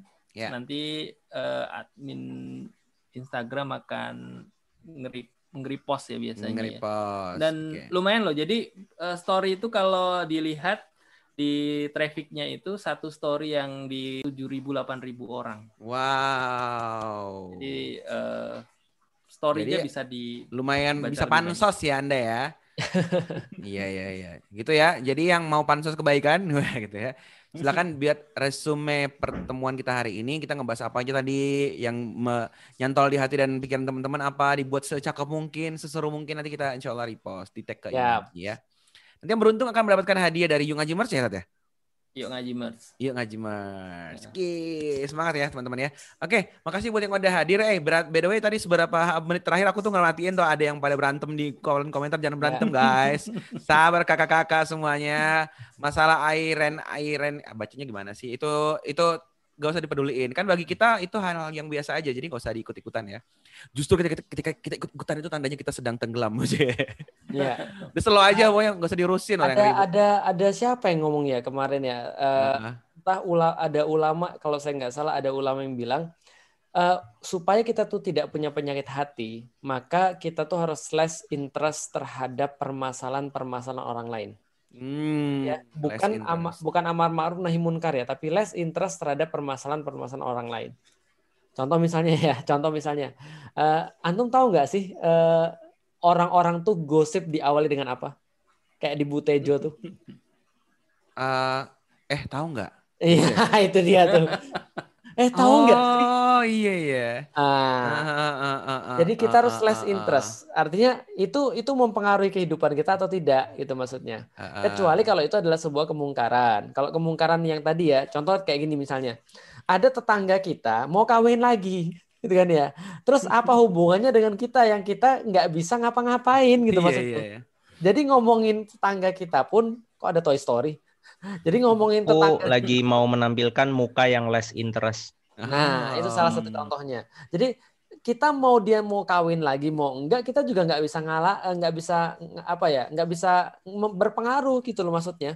Nah kecuali kalau memang contoh misalnya eh anakmu mau kawin lagi, nah itu baru kita harus interest. Nah, Nah, karena itu anak kita sendiri. betul. Tadi Hmm. kalau misalnya ada yang lain ada ada kejadian-kejadian mah banyak banget di dunia ini. Ada ada siapa yang kegigit anjing atau ada Ya, siapa yang ketabrak benar-benar. ketabrak gerobak sayur gitu kan atau ada siapa yang kepleset di mana dan saya pikir ya kita harus less interest terhadap hal-hal kayak gitu kecuali kalau itu memang punya kepentingan dan kita bisa untuk menyelesaikan Gitu. Jadi kira- gitu teman-teman ya. Jadi masalah terlalu banyak. Masalah hidup lo aja sendiri kita dipikir masing-masing ya. Nafsi-nafsi Jadi kita kembali nih. ke kerangka tadi ya, kerangka mau bikin rumah itu tadi ya. Betul. Kerangka mau Jadi, bikin rumah. Benar. Ini ada ada barang nih kita ambil gitu, padahal nggak relevan dengan rumah gitu ya. Oh ada ini nih ada sarang bekicot ini di pinggir jalan gitu. Hmm. Wah ini Ya. kita bawa gitu ya. Aduh, ada Padahal- kucing lagi melahirkan, gak ada yang ngurus, kasihan. Apa aku bawa pulang aja ya? ya betul Ya Nggak- menurut lo bisa nggak lo urusin? ya an- antum lah antum lagi skripsi tentang Ah. masalah perfilman terus antum malah kemudian nontonin itik ya itu nggak penting juga Iya, iya. gitu loh maksudnya jadi ya kita tuh fokus pada yang penting-penting aja Betul sekali. Gitu teman-teman Iya, ya. Ada, ada yang datang malah ditinggal gitu ya. Sebenarnya yang penting tuh siapa, yang mana gitu. Aku tuh kok nggak nyambung ya. Oke, oke. Namanya juga bapak-bapak. Oh iya. Antum kok bisa ke dipantang gitu? Coba gimana tadi? Ih, ih, ih, ih, ih, aneh ih. Ya oke, semakin menyeramkan. Oke. se- eh, Oh iya besok, besok jangan lupa kita mau launching single perdana. Oh iya besok ya jam Ya. 8 malam. Tungguin kita live yuk ngaji. Kita bakalan eh, launching single perdana apa judulnya? Eh, makna makna bahagia. makna bahagia. Umar coba Umar Ya. coba pakai ini loh kepala bass itu badan tuh nggak cocok sama Woody Apa? Nggak ada template-nya. Adanya Kepala ini bas. sama Robin. oh atau itu loh yang alien yang kepala tiga itu loh Ini aku tuh nggak bikin, aku milih. oh. Nggak ada. Oke, Tahu nggak oke. ada ada satu template yang keren banget. Mana? Judulnya Remove Bird. Coba. Nah, Coba. hilang jenggot gua. Bisa Iya, gitu. Itu Bagus, di mana bikinnya? itu kayak antum ketemu saya dulu gitu Ih, Hmm. aneh banget. bisa bisa ada yang pakai bisa ada yang pakai jenggot nggak Eh? bisa Kalau nambahin jenggot bisa nggak? Ustaz Felix kan Kalau dia nambahin jenggot, oh Ustadz Felix ini ya, nanti aku cari. Cari yang nambahin insecurity-nya dia jenggot. adalah butuh jenggot tambahan. Saya harus diantum Ada kalau- sih ada. Kalau jenggotnya panjang jadi kayak ini tat. pendekar-pendekar Cina itu Ada ada tuh. yang guru-guru suhu-suhu itu loh. Yang disembah itu ya. Oh iya iya. iya. Serius. Udah kayak ini ya. Orang-orang Arab dewa. ya. Tapi tergantung juga sih itu penting apa enggak dalam hidup. Iya nggak penting deh kayaknya. Lo kan nyenengin orang lain tuh penting. Coba Ya lihat. itu berarti penting Berarti penting. menurut Mas Bimar. Gak ada tuh punyaku. Ah parah. Gak ada ini bukan aplikasi Zoom. Oh pantesan. Oh pantesan. Curang ya dia. Heeh. Besok-besok kita diajarin dong biar nggak bagus sendirian Tum. Eh, Oke, bisa. Oh ini ya. Itu bayar ya? Enggak. Oh enggak. Kirain. Enggak semua yang hubungannya sama aku bayar, At. Iya bisa nyicil ya. Tapi nggak ada bunga. Nggak ada bunga. Oke deh, ini di jam 10 lewat 5. Makasih ya teman-teman udah hadir semuanya. Ini ada berapa orang nih? Kita lihat. Wow, 1800 tadi sempat eh, menyentuh angka 2000 juga. Makasih para asatis yang udah hadir. Udah ngeluarin waktunya capek-capek abis acara BBN tapi langsung ke live yuk ngaji. Thank you semuanya. Kita ma- maaf ya kalau ada salah-salah kata kita tutup dengan doa kafaratul majelis. Subhanakallah.